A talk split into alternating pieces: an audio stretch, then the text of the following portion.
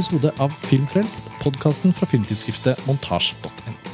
Mitt navn er Karsten Meinick, og jeg sitter her i dag sammen med Pernille Middleton Hallo. Hei, Pernille, og Mats Halvorsen. Hei, Mats. Hallo.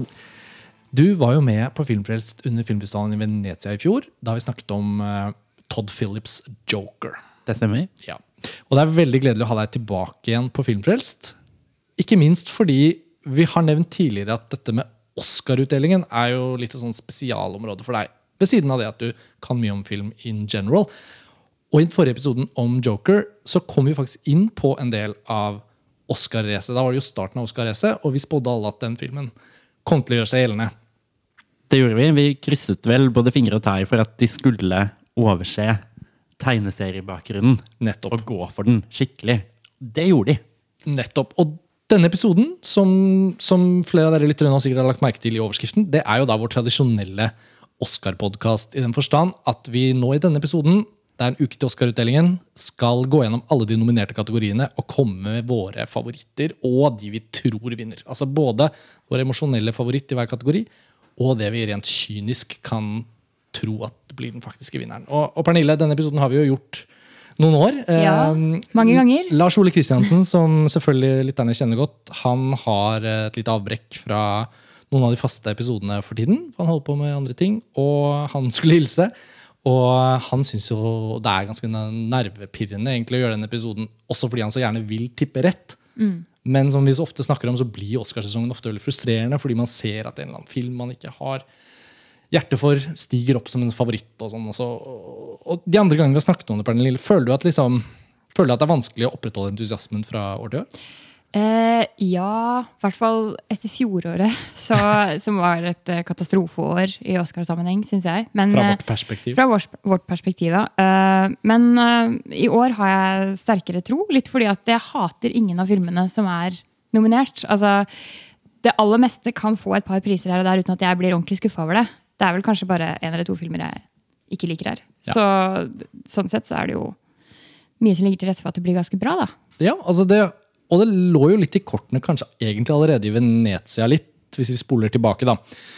Så så vi jo filmer som Marriage Story, Joker, Ad Astra har jo ikke gjort seg gjeldende som noen stor Oscar-film, men? Vi, var, vi var jo gjennom en del av de titlene, og så har jo Oscarsesongen forløpet seg på en litt sånn annen måte fordi de har flyttet selve utdelingen en måned frem. Vanligvis er den jo i månedsskiftet februar-mars, ofte en av de første dagene av mars natt til en mandag. Men nå er jo Oscar-utdelingen natt til 10. februar, altså 9. februar da, Ja. i Los Angeles. Så hele Oscarsesongen har jo vært litt kortere. Og en av, grunnene, en av de tingene jeg har merket det på, er jo at av diverse årsaker, ferieavvikling og sånn og sånn, så har sesongen gått så fort for oss at her på Filmfest har vi ikke rukket å lage en sånn statusepisode, sånn som vi gjorde flere av i fjor og årene før der. Sånn at uh, For lytternes del så har vi ikke egentlig vi snakket så inngående om Oscar egentlig siden Venezia. Men vi har Men- snakket mye om de gjeldende filmene i egne episoder. da. Nettopp, og nå, Nylig da under filmfestivalen i Tromsø så hadde vi jo episoder både om Little Women og The Lighthouse og uh, Sam Mendes 1917. Så en del av filmene vi skal nå komme inn på underveis, har vi jo da dekket inn på podkasten. Så må man spole enda litt lenger tilbake for å finne episodene om Quentin Tarantinos Once Upon a Time in Hollywood og Bong Joon-hos Parasitt, som da hadde premiere under filmfestivalen i Cannes i mai. Men til de av lytterne som da skulle ønske seg litt lengre, mer inngående samtaler om noen av filmene vi kommer til å touche inn på, så bare påminner jeg alle om at episodene fins. I, I stor grad så fins episodene bakover i, i arkivet vårt. Og når vi vet at vi kommer inn på en film som vi kanskje ikke har diskutert, Marriage Story, Joker, de diskuterte vi jo i Venezia, så skal vi prøve å ta oss litt tid til å snakke om filmen. Hvis det blir relevant. Mats, jeg har jo da gledet meg litt til en ting du bringer til torgs. Fordi vi pleier å sløyfe noen kategorier på denne episoden. Rett og slett fordi vi har ikke sett filmene. Det gjelder da kategoriene for beste kortfilm, beste animerte kortfilm, beste korte dokumentarfilm, og egentlig også beste sang. Selv om vi av og til har touchet på den fordi det er et eller annet morsomt å si. ikke sant? Lady Gaga-året osv. Ja, ja, ja.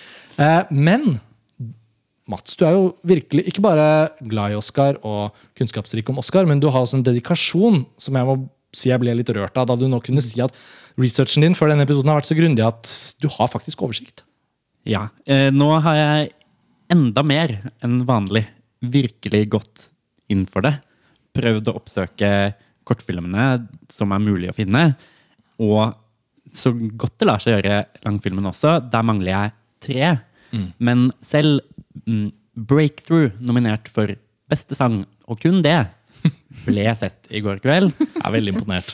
Ja, vi, skal, vi, skal, vi skal sanke av kunnskapsbanken du er i besittelse av, eh, etter hvert som vi kommer til de forskjellige kategoriene. Så Nytt av året er jo da at vi ikke sløyfer noen kategorier, men at vi da gir deg mikrofonen når vi kommer til noen av de mer obskure, for oss andre, da, litt obskure kategoriene. Eh, skal vi bare sette i gang, dere? Det er jo mye å snakke om. Det blir vanligvis en litt lang episode. um, vi har eh, forberedt oss. Vi har listen over alle de nominerte foran oss her på bordet. Og vi skal som vanlig starte med lydkategoriene. Det er da de Oscar-nominerte i kategorien for beste lydklipp og lydmiks. Jeg tenker vi starter med førstnevnte. Eh, Min rolle har ofte vært å lese opp de nominerte. Av og til bytter vi litt på det, men jeg kan jo starte. I kategorien for beste lydklipp så har vi fem nominerte. Filmene er Ford versus Ferrari, Joker, 1917, Once Upon a Time in Hollywood og Star Wars The Rise of Skywalker. Pernille, som om man glemmer det fra år til år, så har vi jo nesten alltid endt opp med å prøve å ta den diskusjonen hva er lydklipp og hva er lydmiks. Og nå har vi nok en gang, før mikrofonene ble slått på, sagt til hverandre la oss ikke gjøre det denne gangen. Ja, jeg føler ikke helt vi er i stand til å definere det helt heller. Nei. Så da skal vi faktisk ikke gjøre det. Nei. Og hvis noen av lytterne er veldig interessert i å høre oss snakke om lydmiks, lydklipp og hva som er forskjellen, så er det bare å hoppe tilbake i flere av årgangene av denne faste episoden. Men vi skal likevel illustrere det med et filmtips, fordi jeg husker at i høst på filmfestivalen i Bergen så kom du Gledesstrålen ut av en filmvisning på av en dokumentar. Ja. Og hva slags film var det? Nei, altså Jeg og Mats ramla inn på en dokumentar som het 'Making Waves The Art of Cinematic Sound'. var det vel? Ja. Og ble bare helt slått i bakken av den. Eh, vi gråt flere ganger, og det, det, var så rørende. Det er rett og slett et portrett av eh, en lydmikser eller en lydredigerers jobb. da. Eh, og det så jo bare ut som verdens beste yrke. Så hvis man vil lære mer om de to kategoriene og forskjellen på de, og hva de faktisk gjør, og se masse rare episoder av Foley-lydlaging, så må man bare se den dokumentaren. Den er helt fantastisk. Jeg husker du solgte den veldig bra. Jeg har notert meg at den har jeg lyst til å se. Jeg har ikke kommet over den ennå. Den dukker kanskje opp. Mats, du var jo ikke med på den episoden. Vil du tilføye noe? Hvordan var ditt forhold til filmlydens magiske verden før du så den dokumentaren? Mm, jeg kan tenke meg ganske likt som Pernille. Man vet liksom at lyden er der, og så forholder man seg jo veldig til det når man ser film, men akkurat hvilke komponenter som gjør hva og blir kalt hva og blir lagd hvordan, litt mer hazy. Nettopp. Men Og- i denne, så godt forklart. Så da lyktes vi. Vi fikk brukt det filmtipset Ja, til å illustrere lydkategoriene, og vi tok ikke den runden denne gangen. Pernille, vil du starte? Lydklipp. Hvilken film tror du vinner, og hvilken film håper du vinner? Jeg tror egentlig ikke noe her, jeg. Eh, hvis Star Wars skal stikke av med én pris denne gangen, så kanskje det er her. For jeg ser jo at den ikke er nominert til den andre lydkategorien. Eh, de er jo som regel ganske gode på det store lydbildet i den franchisen. Så jeg syns ikke det virker helt umulig. Eh, jeg håper vel heller egentlig ikke så veldig sterkt noe her, vil jeg si. Men siden jeg er såpass glad i Joker som jeg er, så ja, gi den til den. Gå for Joker. Ja. Eh, Mats, jeg, jeg tenker Har det ikke vært, du som kanskje også har litt Oscar-trivia og historikk innabords, eh, eh, tar jeg helt feil hvis jeg sier at det ofte blir samme film som vinner hver av disse prisene? Mm, Litt ja, nei, relativt ofte. Og man ser jo også nå at fire av de samme filmene går igjen i begge kategoriene. Eh, skal vi tro at kanskje de heller ikke helt vet forskjell? Kanskje. Eh, vi får håpe at de har litt bedre koll enn oss. Men det er klart at ja, jeg tror for de store massene, når de sitter der ute og skal stemme, og ser på den, så tenker de ja, lyden var fet i den filmen. Hvilken del av det var kult? Vet ikke. Stemmer på begge. Ikke utenkelig. der, da, Ikke utenkelig. Uh, hva med deg og lydklipp? Mm, jeg er kanskje litt enig Pernille, med sånn Hvis man først likte Star Wars, der er den plutselig. Mm, men jeg tror nok kanskje at 1917 sniker med seg minst én lydpris. Og hvorfor ikke starte der? Nettopp. Eh, jeg må innrømme at jeg har Og dette kommer jo til å bli et mønster. Jeg har, eh, jeg har en følelse av at vi kommer til å se mange Oscar-priser gå til 1917. Og eh, det er jo da en første verdenskrigsfilm. Vi har en episode om filmen, eh, for de som er interessert i å høre en diskusjon om den. Men, eh, men her handler det jo også noe om ikke sant? Lydpris går ofte også til filmer med mye lyd.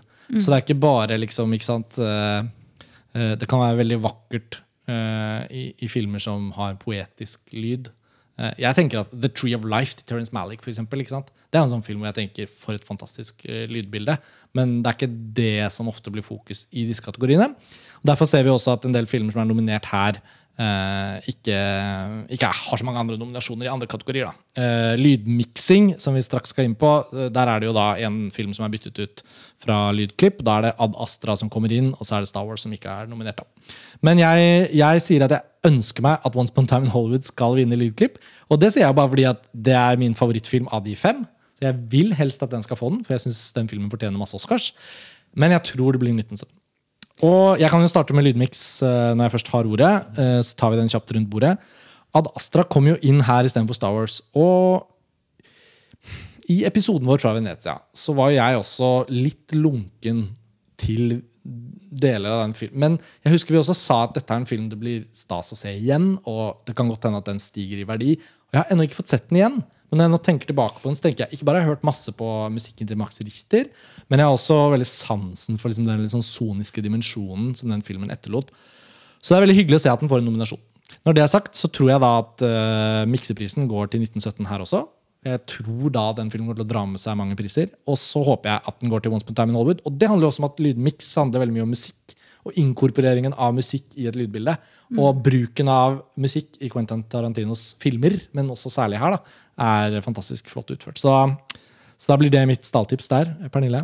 Jeg, kom på at jeg glemte jo å si i forrige runde at jeg har ikke sett Ford versus Ferrari. Det er den eneste sånn eh, kinofilmen jeg ikke har sett. Den har Eh, faktisk ikke jeg heller sett. og den Skal kan jeg jo se for meg at er en veldig sånn lydete lydfilm. Så kanskje den Bilkjøring og Det kan hende at den tar en der også, uten at jeg har sett den. Men bare sånn, fordi jeg vet hva det er, så det gir jo mening. Eh, Jeg vet ikke, Mats, du kan jo kanskje legge mer til på Ford versus Ferrari, om det er en Jo, altså det, det er jo mye lyd. Fordi det er bil og racerbil og Det er giring og gassing og og bremsing og svinging. Ja. alt dette. Og man ser jo litt det også i disse filmene, at det er liksom verdensrommet, racersport, krig. Mm. Det er liksom mye lyd bare i de scenarioene der. Mm. Eh, Og det tror jeg også hjelper litt til at man kanskje kan bikkes over mot en å, ja, men jeg husker kanskje ikke helt lyden i den filmen, men her er det jo eksplosjoner. Mm. Og så går man for det. Så igjen, tror 1917, altså. Ja. Men uh, jeg blir jo samtidig ikke overrasket over noe akkurat i lydkategoriene. Jeg tror vel kanskje 1917 kan ta den her, jeg òg. om ikke den andre, men ja, en av de.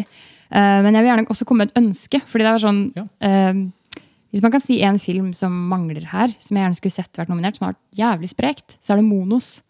Jupp. Fordi Monos det er en sånn ordentlig god lydfilm. Da satt jeg også og tenkte over lyd. Eh, og det hadde, å, det hadde vært gjevt. Og filmen vi da sikter til, er Alejandro Landes uh, kritikerroste festivalfavoritt, skal vi si det sånn. Monos fra Colombia, som var en het kandidat til å bli nominert til kategorien for det som nå heter beste internasjonale film.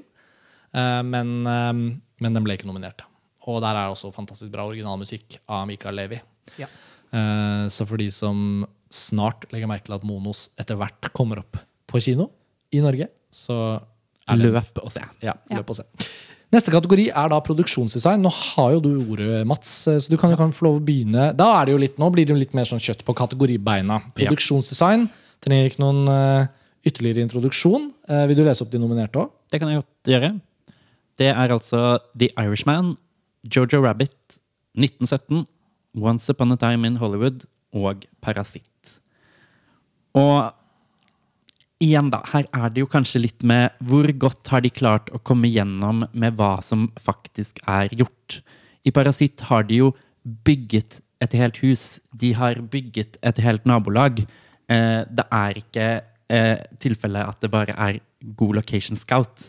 Og kommer det igjennom, så tror jeg veldig mange vil la seg imponere over det. Ja, vi har jo fått det med oss. Jeg tror jeg bare fikk det med meg fordi det ble gjort et nummer ut av det i amerikansk filmbransjepresse. Fordi Oscar-strategene bak Parasitt skjønner at her må vi synliggjøre hvilken utrolig jobb som er gjort. Ja. Eh, og jeg ble jo faktisk uh, da sjokkert imponert. Det hadde jeg faktisk ikke trodd.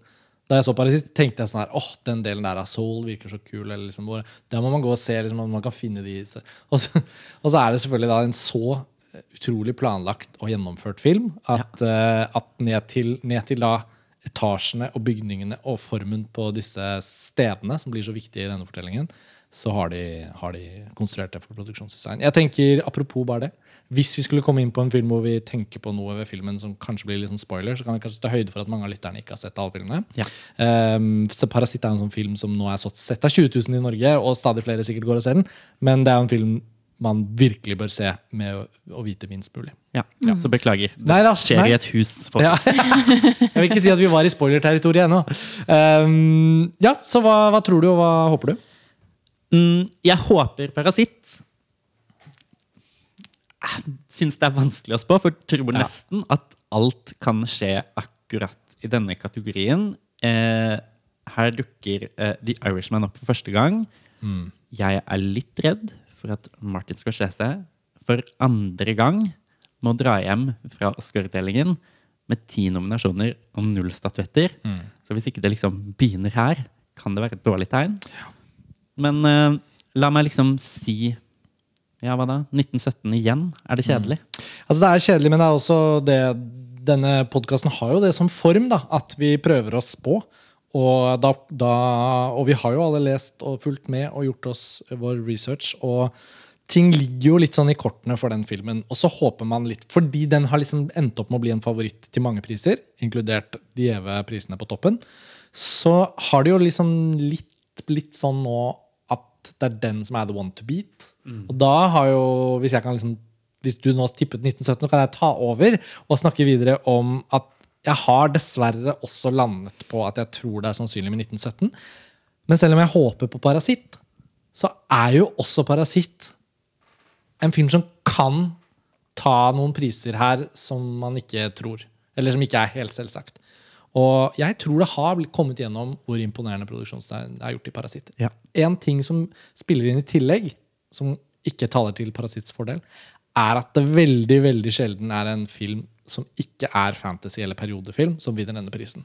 Produksjonsdesign og kostyme går nesten alltid til filmer som enten er periode eller fantasy. Og en kontemporær sørkoreansk fortelling, uansett hvor, fantastisk gjennomført og bygd det produksjonsdesignet er, er jo da, stiller jo da litt svakt. Så jeg, jeg, jeg er redd det blir 1917 her også. Jeg hadde for øvrig også veldig gjerne likt at det ble Once Upon a Time in Hollywood, fordi periodegjenskapningen der er så fantastisk. Så, men der er det mye locations òg, da. Så jeg tenker at kanskje det gjør at ikke den filmen er en vinner der. Pernille? Ja, det er en vanskelig kategori. Og som du sier, Mats, jeg håper heller ikke det samme for Scorsese. Men det er jo ikke det her jeg vil han skal få i det hele tatt. Eh, jeg syns uh, kanskje produksjonsdesignet i The Irishman er det kjedeligste av alle disse her. Uh, jeg håper helt klart på Parasitt. Det er jo en film hvor du føler at seriøst, hele huset er jo en rolle i seg selv. Det er en karakter, spiller en stor rolle. Og Nei, det, det, er, det er så flott uh, at uh, da, hadde jeg blitt veldig, veldig glad. Uh, og så skulle jeg gjerne ha bytta ut 1917 og s- satt inn Little Women her, rett og slett. På produksjonsdesign. Hvorfor ikke? Fjern en av de ti nominasjonene til 1917. Ja, eller The Irishman. ja, eller The Irishman. For jeg må innrømme at produksjonsdesign i 1917 Det er jo en av de bedre tingene med filmen. Syns Ja, jeg. Eller mer imponerende. Altså bare sånn, Det å faktisk lage det. Selv om jeg syns første verdenskrig, produksjonsdesignet i Wonder Woman, så bedre ut enn eh, det samme i 1970. Det mener jeg. Jeg synes det var veldig mye i Wonder Woman som var jævlig bra. Den første verdenskrigssekvensen hvor hun bare blaster over den uh, slagmarken, Yep. er faktisk helt fantastisk. Og det er, det er sl Slagmarkshelvete i første verdenskrig har sett enda bedre produksjonsdesignet ut i andre filmer enn 1917. Jeg Ja. synes likevel det er veldig bra lagd. da. Men jeg tror likevel den vinner, da. Ja, gjør det. Jeg tror, den, det, for det, jeg tror det blir sånn storeslem-stemning for den, faktisk. Ja, jeg- det er jo typisk hvis den skal ta en her. Det føles som det er sånn 78% sannsynlig at det er 1917 som kommer til å begynne å ta disse fagprisene. Uh, Men den kommer jo ikke til å ta beste klipp. Det kommer vi tilbake til.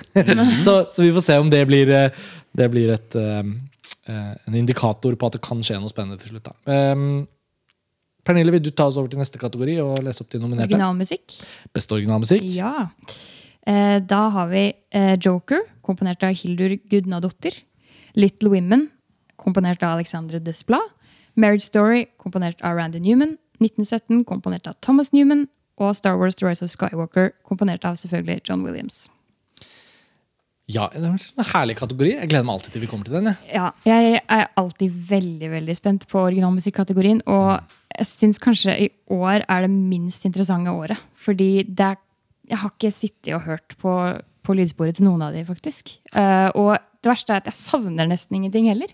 Så det er sånn, hva skulle vært nominert? Ja, Monos igjen, da. Skulle gjerne hatt Monos. Uh, men av disse så er min favoritt helt klart uh, Joker. Uh, suggererende, mørke, forferdelige, men også nydelige lydsporet der. Også veldig spennende med hun islandske nykommeren, på sett og vis. Hun er protesjent til eh, Johan Johansson. Eh, og ung og kvinne, selvfølgelig, så det er jo spennende bare det. Eh, og så føler jeg også at eh, Thomas Newman, John Williams og Alexandra Desplat ikke trenger mer oppmerksomhet. Så det hadde vært veldig kult hvis den gikk til Joker. Men eh, jeg tror vel kanskje at det blir 1917, da. jeg vet ikke. Og Thomas Newman har aldri vunnet Oscar. Nei, det er litt rart. Han har vært nominert nominert. 15 ganger og aldri vunnet. Men samtidig så er det sånn Jeg kjenner ikke noe stort behov for at dette skal bli gangen hans. Han kommer sikkert til å toppe seg selv eh, fremover også. Jeg tror han får problemer med å toppe noe av det han beste han har gjort noensinne. Nei, men altså 1917 da. Men ja, Ja. Jeg er enig. Mm. Jeg føler fortsatt Thomas Newman burde ha mulighet til å komponere noe som er verdt å vinne Oscar for.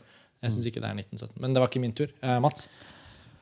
Altså, om jeg er dårlig på lydkategoriene, så er det jo godt sport i at uh, mitt forhold til filmmusikk er litt sånn Det fins, og det er der. Eh, hører jeg noen gang på et soundtrack etterpå? Eh, nei. Når vi er på quiz, og det begynner en pianolåt, og vi skal gjette hvilken sang er dette fra, så svarer jeg Carol hver gang. um, men her er det faktisk en film som jeg tenkte på soundtracket underveis, og ikke syntes var så verst. Og det var da 1917. Eh, Og kanskje er det Thomas Newman sin tur da, på 15. nominasjonen. Men jeg tror det blir Joker.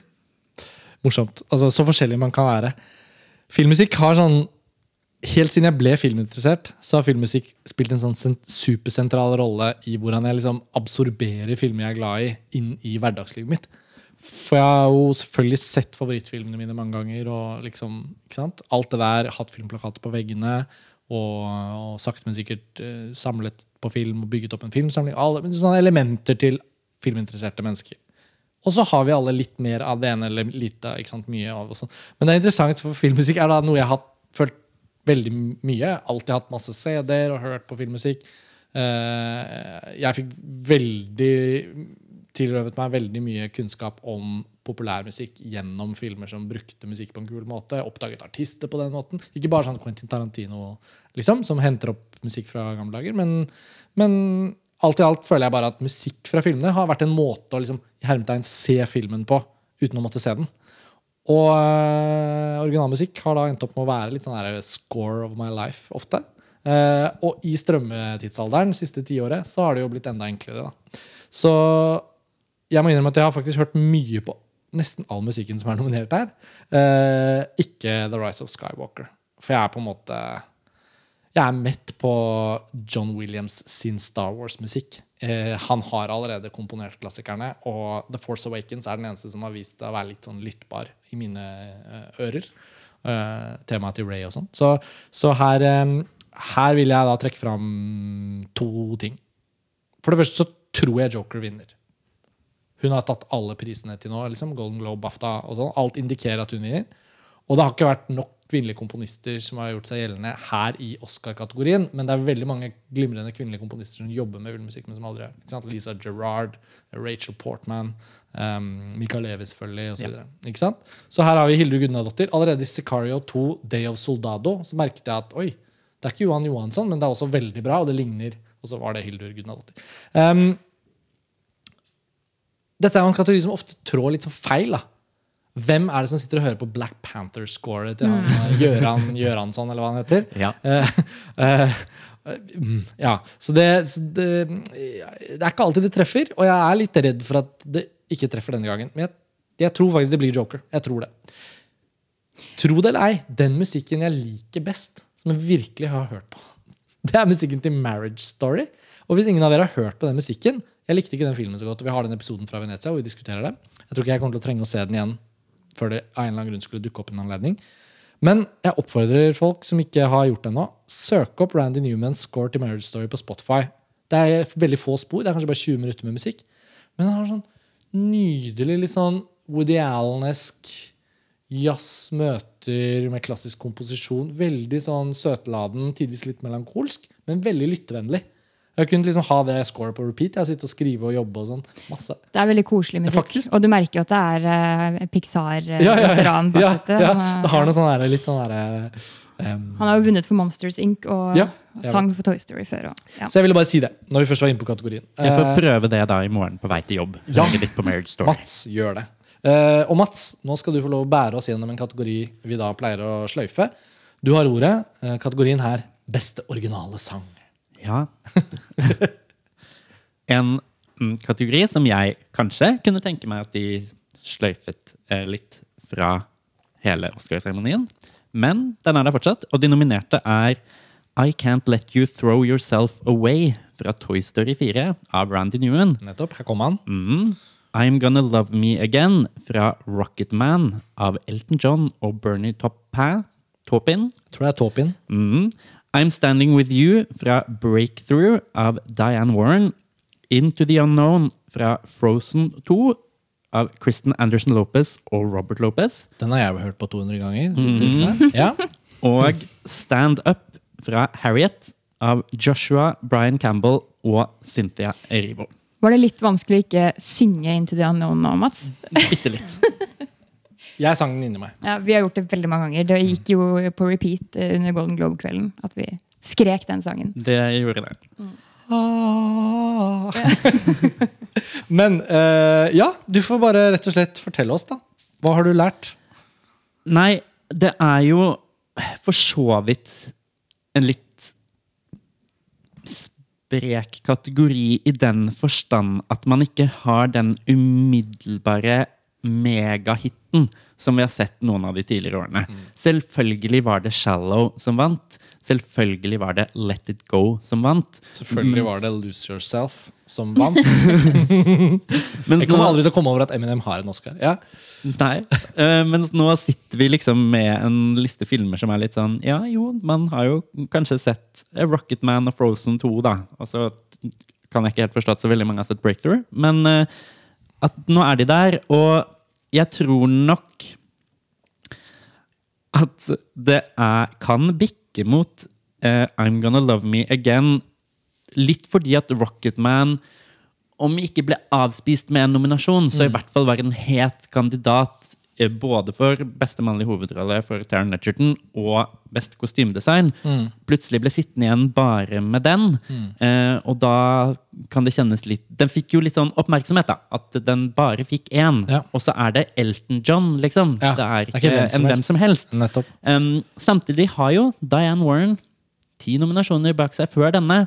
Ingen seire.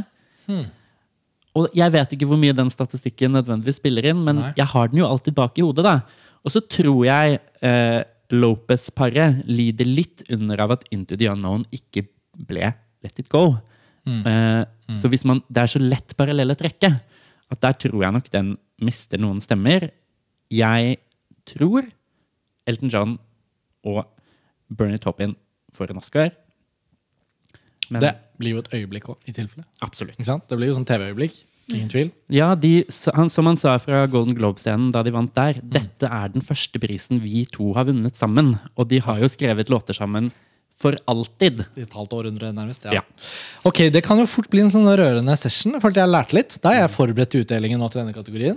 Ved hjelp av deg, Mats. Jeg pleier å liksom øh, være litt sånn i halvsøvne da. Av forskjellige årsaker. Så skal vi kanskje nevne at det er her vi får det norske innslaget på årets Oscarseremoni. Aurora skal synge på scenen, så vidt jeg har forstått. Sin beat. Ja. Underforstått. Ah. Eller kanskje det blir deg. Det blir uh, datteren min. Inn i ukjent land. Um, da går vi over til neste kategori. Uh, sminke og hår. Makeup and hair. Mhm. De nominerte er Bombshell, Joker, Judy, Maleficent Mistress of Evil, sier jeg det riktig, og 1917. Ja. Jeg bare starter, jeg.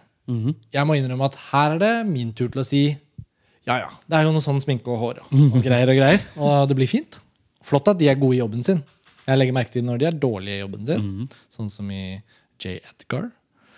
Men jeg har lite å komme med utover at her liker jeg å tro at uh, Joker stiller sterkt. Fordi jeg syns det var et veldig sånn, imponerende uh, uttrykk i den filmen. Og så blir det så veldig sånn én-til-én å si det fordi han Joker har sminke i trynet. liksom. Men det er nå engang sånn at jeg syns det er veldig imponerende. Og det blir da den jeg håper vinner.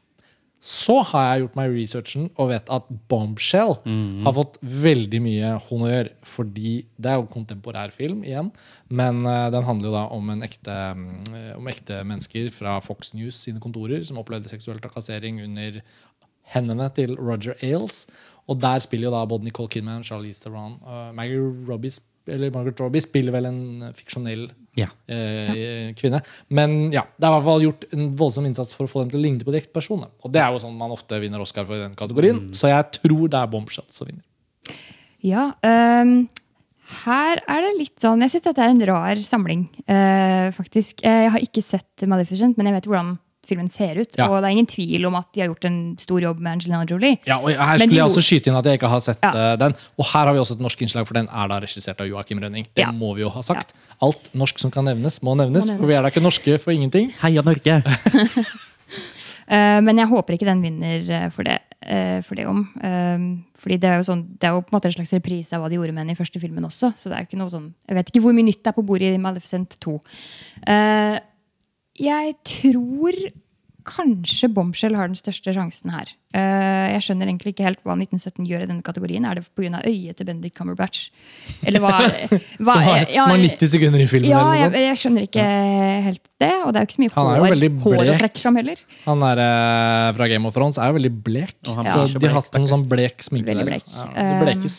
Men det, det mest imponerende her eh, er i Bombshell. Eh, jeg ble litt sånn Er det John Lithgow som er Roger Ailes? Der, er det ikke det? Ja, for han er nesten ikke Ja, han er selvfølgelig også Han smidig. Jeg har en helt fantastisk uh, fatsuit Mm. og eh, ser tilstrekkelig ekkel ut, vil jeg si. Mm. Og samtidig så ser også Nicole Kidman og Charlize Theron Du ser at det er de, men de, samtidig så ser de ut som andre skuespillere også. Så, og det er gjort så bra. Det ser ikke fake ut. Eh, Den er jo faktisk også nominert som eneste film i fatsuit. Best fatsuit. Ikke sant? Den, er- den har de allerede vunnet. tar den, ja. Ja. Men eh, jeg tror og håper på Bombshell, og blir ja. nesten fra meg hvis Judy vinner.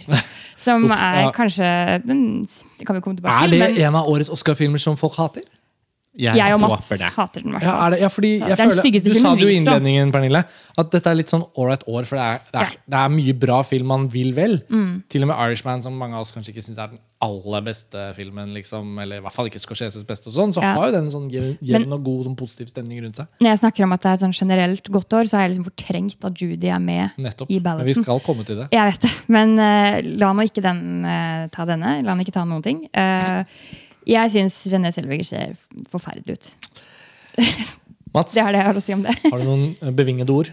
Jeg støtter Pernille den. Er litt redd for at eh, dette skal bli en sånn The Iron Lady, hvor det, en film stikker av med kvinnelig hovedrolle og sminke. Eh, jeg må si at jeg syns det er gledelig at Oscar-akademiet nå har skjønt at eh, det er sminke og hår i så godt som alle filmer.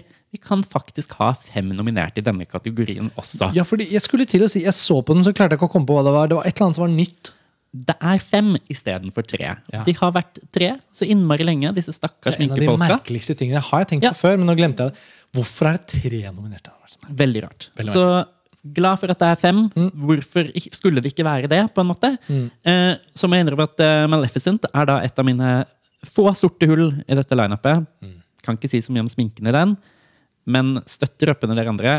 Jeg tror det blir bombshell her. Og det er fortjent. Ja.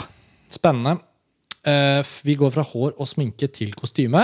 Og da føler jeg min interesse for kategorien går opp da. Det blir litt varmere på, på platen. Yep. Uh, sminke og kostyme er jo selvfølgelig tvinnet ganske tett opp mot hverandre, men kategoriene overlaver i ganske liten grad i år. Eh, Mats, kanskje har du lyst til å ta opplesningen? Det kan jeg. For kostymedesign The Irishman, Jojo Rabbit, Joker, Little Women og Once Upon a Time in Hollywood.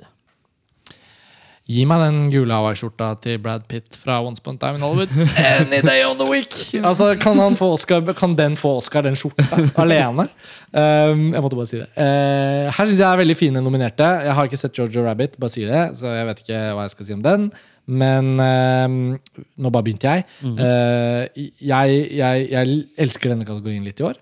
Fordi jeg syns faktisk at er det én ting man kan si om en film som The Irishman, da, så er det jo at det er så kult classy og fett å se sånn periode-gangsterfilm når de går og kler seg, de italienske mafiabossene tusler rundt i Little Italy med de kule dressene sine før de skal få fylles av kulehull. Og det er liksom, ikke, jeg, og, og, det var mye spill på det òg. Jeg syns de karakteriserte veldig bra hit og dit. Og når de er i fengselet som gamle menn i det fengseldrakta. Altså, det er mange sånne ting som jeg syns er faktisk veldig bra utført i, i The Irishman. Uh, så kan man snakke om alt det digitale uh, når vi kommer til det, i neste kategori.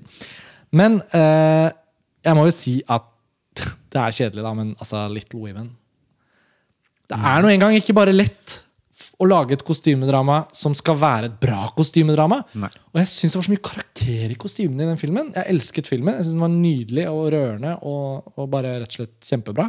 Men bare altså, da Timothy Chalamet bare kommer ut med den ene fantastiske liksom, oppstasingen etter den andre, og søstrene blir liksom karakterisert også på forskjellige måter. Det føltes veldig sånn brukt. Det var ikke klær som var kjøpt i går. Og når det var klær som var nye, så følte man at de var nye. Det var, mm. det var så mye som var så gjennomført. Så jeg håper at Little Women vinner. Og jeg håper at Once Upon a Hollywood vinner for hawaiiskjorte. um, og jeg tror kanskje Little Women vinner. Jeg vet ikke. Mm. Pernille? Ja, um, ja, Du kan jo si det du sa om The Irishman, men uh, jeg syns kanskje det, den satt opp mot de andre i den kategorien her nå, blir veldig kjedelig. Mm. Uh, ikke nok uttrykk, på en måte? Nei, egentlig ikke. Jeg er veldig enig med deg om Once Upon a Time in Hollywood, men her er favoritten min faktisk Little Women. Uh, rett og slett fordi det er så gjennomført som det er. Og tidligere i dag så, så jeg uh, på 73 Questions with uh, Greta Gervig, altså Vogue-spalten, hvor de ja. stiller random spørsmål. Og da fikk hun spørsmål om hva hun har droppet av liksom, det klassiske preget til Little Women i sin film. Og da mm. bare sånn Nei, vekk med alle korsettene og mm. liksom det derre det tradis-greiene der. Mm. Og det, det, det, tenkte jeg over da jeg så filmen. Jeg synes Det var så fint at det føltes ikke ut som en sånn utprega urklassisk kostymeramme. Den føltes som du sa, mer ekte og mm. brukt og, og, fint. da. Så jeg håper og tror faktisk på Little Women her. Selv om, men jeg, jeg, vil også gi litt honnør til Georgia Rabbit, for jeg synes det var kanskje noe av det sprekeste med hele filmen. Jeg er ikke kjempefan av den generelt, men kostymene er veldig kule. Mm. Der er jeg enig. Pernille. Georgia Rabbit er litt sånn mye kostyme. Mm. Det er på en måte mm. Å se at her har noen tenkt noe og gjort mm. noe. Litt sånn tegneseriekostyme. Det ser veldig liksom butikkjøpt ut. De har nettopp vært og liksom mm. ja, tatt de, ut av plasten. Ja. Det, er, det ser litt nye ut, men det er liksom kostyme, da. er det litt sånn utkledningsfestaktig? Et lite touch utkledningsfest. Ja, det er det. Mm. Men det er allikevel kostyme, da. Uten tvil. Kostymedesignerne i Marriage Story har jo klaget litt, for de hadde jo en kostyme De hadde jo halloween. Så de er liksom sånn Hæ, hvorfor var vi nominert Det er Adam Driver som Invisible Man, er det ikke det? Ja. Det er en liten søt sekvens fra den filmen, for å si noe positivt om Marriage Story. Men ja, Mats? Men ja, jeg må støtte meg til vårt lille ekkokammer som vi lager oss her nå. For jeg tror også på Little Women, som vel har kostymedesignet av Jacqueline Dora, som ja. alltid er nominert ja, og har vunnet før. Og det er liksom, det er hun. På vår, uh, på vår, liste så er jo da ikke navnene på kostymedesignerne Det er jo noen steder hvor de står, og andre steder hvor de ikke står. Vi kunne kanskje funnet det fram, men, men, men ja, bra du visste det. Uh, Sandy Powell er vel også nominert i år for en eller annen film her. Ja, det er slett ikke utenkelig. Hun er jo også Oscar royalty. Ja. Uh, men Milena Canonero er et eller annet sted å jobbe med sin neste film. Så hun er ikke med denne gang. Um, ok, Da krysser vi fingrene for Little Women da, når denne kategorien kommer på utdelingen om en knapp uke. Neste kategori er visuelle effekter. Pernille, vil du ta lista? Ja, det kan jeg. Da har vi Avengers Endgame, The Irishman, The Lion King, 1917 og Star Wars The Rise of Skywalker.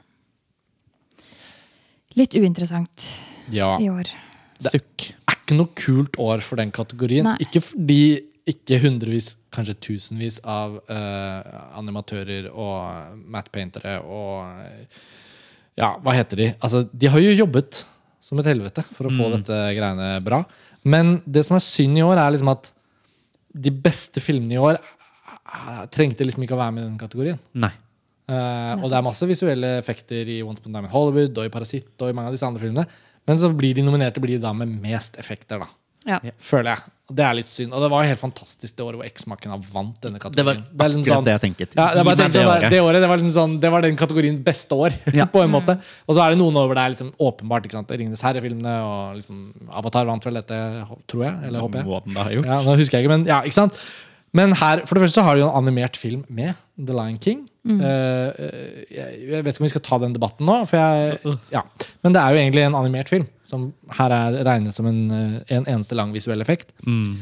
Eh, og 1917 eh, Ja, jeg Ja. Nei, her, hvis jeg skal begynne, så må jeg faktisk bare si at jeg tror Avengers Endgame vinner, og jeg håper den vinner. Av, av disse fem filmene, når det kommer til visuelle effekter, så kan man si hva man vil om Marvel Cinematic Universe og sånn, men jeg må innrømme at Infinity War og Endgame, to filmer som er blant tidenes mest populære kinolanseringer, og den proporsjonelle mengden omtale av de to på montasje sånn, Den brøken er veldig skjev! Og hvis vi først skal si noe, så må jeg si at jeg har sett begge de to filmene og hatt glede av dem i all sin middelmådighet. Men i det middelmådige så har de vært bra, syns jeg. Og det skal da Avengers Endgame ha. At hvis ikke de visuelle effektene var på nivå, så hadde jo hele filmen kollapset. Så sånn sett så tenker jeg den får min stemme her. Eh, jeg syns det er kjemperart at The Irishman er nominert, fordi eh, Den har de dårligste visuelle Ja, effektene. og den har jo fått så mye refs for det også. Eh, Det var jo masse debatt om det etter lansering. at det, Er det seriøst? Er det sånn her det skal se ut? Mm. Og jeg, det plagde meg gjennom store deler av filmen. Jeg syns ikke det var en god nok jobb. Uh, og jeg syns heller ikke at Star Wars ser noe bra ut uh, i, i, innenfor sin kategori. Um, I 1917 så ser jeg for meg at de som jobber med spesialeffektene, er mye flinkere enn det jeg legger merke til. Mm. Fordi, du ikke tenker at det jeg var tenker ikke så mye over det. Jeg er veldig opptatt av å være fanget i det one-taket og bare sånn følge med på hva som skjer. Og så Mm. skjer det ting, og så tenker jeg sånn så tenker jeg ikke så mye over det som er effektete. da. Så jeg tror vel kanskje også at Jeg har ikke sett Lion King, men eh, jeg tenker jo kanskje at Avengers har en sjanse her. Selv om jeg syns det igjen blir for mye. altså. Eh, Det jeg tror kommer til å kicke inn her, glemte jeg å si Den inntok førsteplassen på tidenes mest innbringende film. Ikke i antall solgte billetter, men i antall dollars. Og eh, det tror jeg Akademiet vil kanskje vise at de har fått med seg. Ja. Og at uh, den skal få den. det hadde ikke gjort meg noe, på en måte. Men uh, jeg heier ikke sånn eksplisitt på noen. Nei, nei, nei, men kom igjen, da. Altså, det er jo noen utrolige effektshots i den filmen. Jeg er helt enig i det. Og nå får jo. Akademiet mye kjeft for å være gamle og gubbete. Og hvis de nå skal prøve å liksom kaste et bein da, til det unge, kule Amerika, eller verden for den saks skyld, Ja. ja, men så sleng en stemme til Avengers da, i det som sånn ikke er sånn det mest inspirerte lineupet vi har Nei. sett. Nei, det er en uinspirert lineup, faktisk. Jeg syns jo Battle Angel Alita mangler her. Ja, eh, Robert enig. Rodriguez, egentlig litt fantastiske film, som på en måte er litt glemt fordi den hadde premiere i februar i fjor. Mm. Og eh, ikke ble en suksess. Men den ble ikke heller så Det var ikke noe sånn pengetap. Nei. Men det ble bare ikke den blockbusteren. ikke sant? Var det Ready Player One som vant i fjor?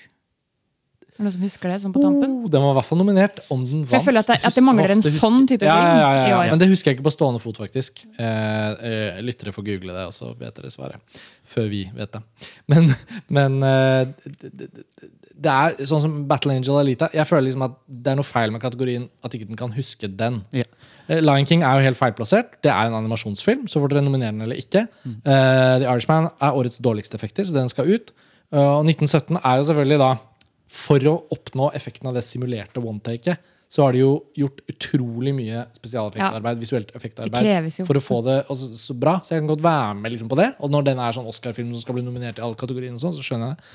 Men uh, her hadde det vært rom for Battle Angel. Alita, for Jeg synes jo også Det er et eksempel på en sånn kategori hvor jeg syns det er litt kjedelig at de skal tvinge inn Irishman av 1917. Trenger de ti nominasjoner? De kan, for, ja, ja. kan man ikke finne en film som faktisk utmerker seg på det området, og si hei, Ja. sinnssykt bra jobba på de Ja. visuelle effektene. Vær så god, her er din klapp på skulderen. Ja. Jeg er helt enig. En kritikk der til, til Akademiet fra oss. Vi sender den i posten. Um, vi får bevege oss videre til neste kategori. Uh, da tror jeg vi går Ja, da, la oss gå til manus. Um, da syns jeg vi skal faktisk bare starte på originalmanus. Det føles mer uh, riktig. Mats, Ja. beste originalmanus. Vil du ta oss gjennom nominasjonslisten? Yes. Knives Out, skrevet av Ryan Johnson. Marriage Story, skrevet av Noah Baumbach. 1917, skrevet av Sam Mendes og Christy Wilson Cairns. Once Upon a Time in Hollywood, skrevet av Quentin Tarantino. Og Parasite, skrevet av Bong Joon-ho og Han Jin-won. Ja, nå, Sterk kategori. ja, nå strammer det seg til. ei, ei. ei. Mats, Ei, eh, Pernille, hvem av dere har lyst til å starte? Jeg kan eh, starte fort og gærent, jeg. Ja. Um, oh, her liker jeg jo fire av filmene skikkelig mye. Så det er sånn Ja. kill your darling-situasjon for meg. Altså, Jeg vil jo bare gi alt jeg kan til Parasitt. Altså, Kast alt på den, liksom. Og jeg er fornøyd. Ja. Men så har jo jeg kanskje det største hjertet i redaksjonen her for Marriage Story. Du har det. Og hvis det er en pris jeg vil at den filmen skal få, så er det egentlig manus. Samtidig da, så digger jeg Nice Out. Og ser at det her er vel den eneste nominasjonen til den filmen. Det er det. Og hvor fett hadde det ikke vært å gi Ryan Johnson en manuspris? Når filmen er så jævla godt skrevet. Altså det, og så er det Tarantino, da, men han har liksom vunnet to ganger før. Så det er sånn, gi den til noen andre. Quentin Tarantino har jo nesten sagt at han ikke helt bryr seg om en til tredje Oscar for beste Ikke originalmanus. Han, han vil ha regi. Ja. Han er så herlig, for han holder ikke tilbake heller. nei, nei. Han sier det han mener. Så, Jeg så, tror ikke Tarantino faktisk vinner her. Um, selv om mye legger opp til at han burde det. Men uh, Du har jo mange du håper på. da Hva, klarer, du håper klarer du å ta et valg? jeg vet ikke, bare for å være litt kul, så vil jeg si Knives Out. Du håper på Knives Selv om det ikke er Ja. favorittfilmen min, så er det sånn fett. Men Og- utenkelig. Og hvilken tror du vinner, da? Tikk, takk, tikk, takk. Ikke 1917. Uh, jeg tror enten Once Upon a Time eller Parasite. Ok, Det er lov å gardere seg. Ja, jeg tror et, en av de. Ok. Jeg må Mats? bare si det. Er du sikker i din sak? Bitte, bitte litt. Ja. Jeg tror dette er en av de kategoriene Nå har vi snakket mye om litt sånn, oi, det er mange alternativer her, egentlig. Nå begynner vi å nærme oss de kategoriene hvor jeg mener at nå er det ren duell. Det er fem nominerte, men det er to igjen. Dette blir eh, Once Upon a Time in Hollywood eller Parasitt. Jeg tror Parasitt, men som Pernille så krysser jeg fingre og tær for at de ved en eller annen uhell har slengt stemmene sine til Ryan Johnson og Knives Out. Da skal jeg hoppe i sofaen av glede. Flott. Eh, Jeg kan jo da kjøle ned Knives Out-praten litt med at jeg syns den var kul. Og det var egentlig det.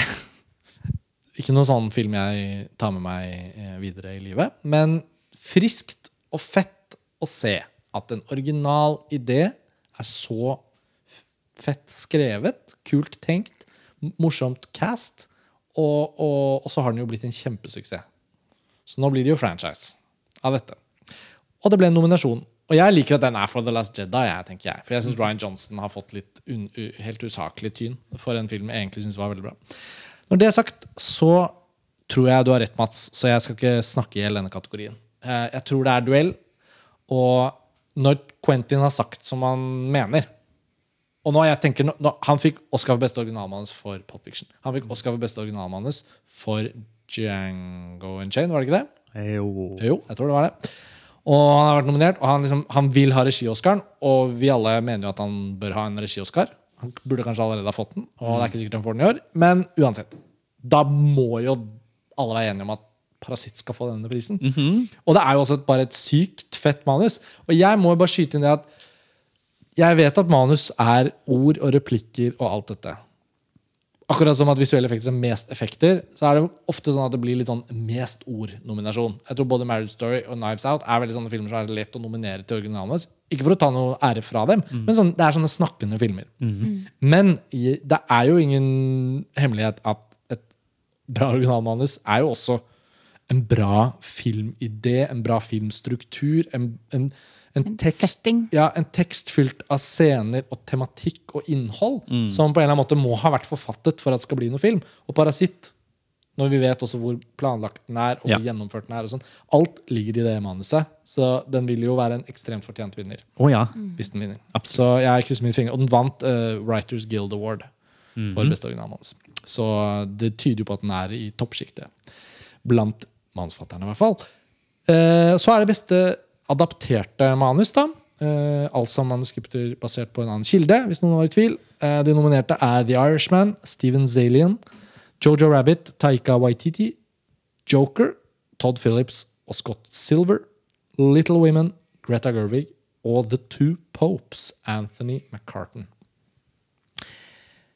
Greta Gerwig ble ikke nominert for beste regi. Her har Oscar-akademiet en mulighet til å gi henne en velfortjent Oscar. Dog ikke som regissør, men som den fantastiske manusfatteren hun er. Og hun har jo virkelig adaptert romanen. Mm. Jeg vet hvordan romanen er skrevet og strukturert, selv om jeg ikke har lest den. Eh, Og hun har gjort mange grep, og det fungerer utrolig bra for å gi Little Women en sånn fresh eh, greie. Min favoritt er eh, Little Women, og jeg håper at Greta Gerwig vinner. Den pragmatiske researchen tilsier nå at Jojo Rabbit, skrevet av Taika Waititi, har seilet opp som en slags favoritt. For hvis man ser i T-bladene, så ligger det til rette for det. Så da er det kanskje den som vinner. Men jeg tror faktisk på Little Women. Jeg tror det at mange i akademiet ønsket at hun var nominert til regi, ønsker at det skal bli henne som får denne prisen. Så jeg tror det skjer. Hva med dere? Pernille? Jeg tror også litt på Little Women, men jeg håper veldig at det ikke er en sånn pity-pris. Sånn, å, du ble ikke Fordi det, det ble jo storm eh, av at hun ikke fikk en reginominasjon. Det var så lett å bare inkludere en kvinne i den kategorien. Ja, Så men- skal de da liksom kaste et ben til henne og gi henne det manuset. Liksom- Noen tenker kanskje sånn. jeg, jeg er liksom ikke helt uenig, men når jeg da tenker på Tarantino og Greta Gerwig som filmkunstnere, så er det jo ingen tvil om at det bidraget de kommer med når de er forfattere av filmens ideer, av filmens tonefall, språk, alt det, de er jo helt briljante begge to. Og Quentin Tarantinos to Oscar er jo ikke noe mindre verdt, egentlig. Fordi det er velfortjente Oscar han har vunnet. Og hvis Greta Gerwigs film var av lavere kvalitet, og hun fikk en Oscar sånn, da ville jeg jo tenkt på det. Men Little Women kommer jo til å stå som ja, Får lage dritmye film. Da, og at den kanskje ikke blir stående som en av de beste, men det er jo et fantastisk eh, arbeid. Så jeg tenker man, det ville vært synd hvis vi ikke mente at faget hun får da Oscar for, Ja, ja. i tilfelle, er er, er verdig nok. Jeg, jeg, jeg syns hun burde vært nominert for regi. Og jeg vil også at hun skal få den over f.eks. The Irishman og Georgia Rabbit. Jeg er faktisk litt sånn overraska over at Georgia Rabbit er nominert i manus. For det Ja, for- syns ikke det utpekte seg Roman? Eh, ja. Den er basert på en roman som så vidt jeg forstår er langt streitere i historien og mer en dramatisk fortelling enn dette morsomme Ja. eventyret Taika Waititi har gjort den til. Så du lander på Little Women, du òg? Ja, jeg gjør det. Ja. Både tror og Hadde ikke så mye å si om The Two Popes. Jeg synes Den er, eh, den er seig, men sjarmerende. Eh, så til de grader en snakkefilm. Eh, men ikke noe sånn Oscar-verdig, syns jeg. Netflix-produksjon som da Netflix har jo to av fem i kategorien. Eh, Um, ja, Mats? Nei, det er jo Waititi og Gervig. Da. Her har vi duellen. Igjen. Det blir en av de to. Ja. Jeg håper Greta Gerwig, men som du nevnte, nå har Jojo Rabbit sneket til seg en del priser i det siste. Og nå har vi vel konkludert med at det blir ikke noe manuspris til 1917. Og hvis det heller ikke blir manuspris til Greta Gerwig, så har altså ikke en eneste kvinne mm, vunnet eh, en manuspris i det foregående tiåret. Og det er jo òg litt flaut. Stemmer det? Ja. Altså hele 2010? Hele 2010. Ingen damer Altså som kunne skrive 2010-tallet, mener Ja. jeg. Sorry. Mm. Mm. Shit. Så her har vi muligheten, da. Helt Ja. på tampen. Ikke sant? Nok en gang et brev til akademiet fra oss. Ja. Hilsen Mats. Um, ok, dette blir spennende. Jeg merker jo at det morsomste med å lage denne episoden hvert år, er jo at jeg merker at jeg kommer i sånn Oscar-humør. Nå begynner jeg å glede meg til utdelingen. Jeg håper det gjelder dere lyttere også. Uh, superoppmerksomme faste lyttere vil kanskje også legge merke til at denne episoden kommer noen dager tidligere enn den pleier. Uh, noen år på rad nå så har vi endt opp med å få denne episoden klar bare rett før utdelingen. Dagen før, kanskje. Eh, nå har dere noen dager på dere til å høre på denne episoden og tenke på utdelingen. Og ta med dere våre tips, da, kanskje. Ok, Neste kategori beste foto. Også en herlig kategori. morsom kategori. Pernille, vil Veldig du fin ta oss gjennom de nominerte? Da har vi The Irishman, skutt av Rodrigo Prieto. Joker av Lawrence Sher. Sher. Uh, The Lighthouse av Ja. Jarin Blaschke. Jeg Blaschke. tror, Ble vi ikke enige om at det var Jaron Blaschke? Ja, Blaschke. Jo, fy faen, da var han amerikaner. Ja. Ikke? Eh, 1917 av Roger Deakins, selvfølgelig. Og Once Upon a Time in Hollywood av Robert Richardson. Det her er jo en spennende kategori med noen veteraner i. Uh, Roger Deakins har jo bare vunnet én Oscar før, men har vært nominert 14 ganger. Uh, han vant jo allerede i fjor. Så Blade Runner fjor? Var det i fjor? Eller var det forrige fjor? Det var i fjor. Blade Runner 2049? Ja, nylig, da. Blade, Nylig. Runner. Blade Runner er relativt nylig. Nei, i fjor vant vel Ja, Roma fotoprisen. ja. Det stemmer, det. Da var det året før. Eh, så det er sånn, ja, det er et one take, og herregud, så imponerende. Hvordan har han Simulert one take. Ja, ikke sant? Men, lik, men likevel så har denne hundreåringen Ja, ja, ja, ja, ja, ja, ja. klatret opp og ned av, Ja. av skyttergraver Ja, ja, og ned fosser Yes. uh, i en eller annen, uh, på en eller annen måte, som er kjempeimponerende. Um, og så har du jo Rodrigo Prieto, som er en legende, og som ikke har vunnet ennå. Han burde jo vært nominert for Wolf of Wall Street. Det er mye man kan si om han. Uh, men min favoritt her er soleklart The Lighthouse. Uh, jeg tror vel ikke den kommer til å vinne, men jeg håper det så inderlig. Fordi det hadde vært så kult. Det har vi også snakket veldig mye om i podkasten om The Lighthouse. Hvor mye som er, ligger i det arbeidet med foto Absolutt. absolutt. Uh, som er helt beyond. Og så Man må bare ta av seg alle hattene man har for at noen gidder å gjøre det på den måten. Eh, så ja. Mitt eh, store, store hjerte for The Lighthouse. Ja. Det blir jo ekkokammer, da. Jeg heier på The Lighthouse, jeg må innrømme det.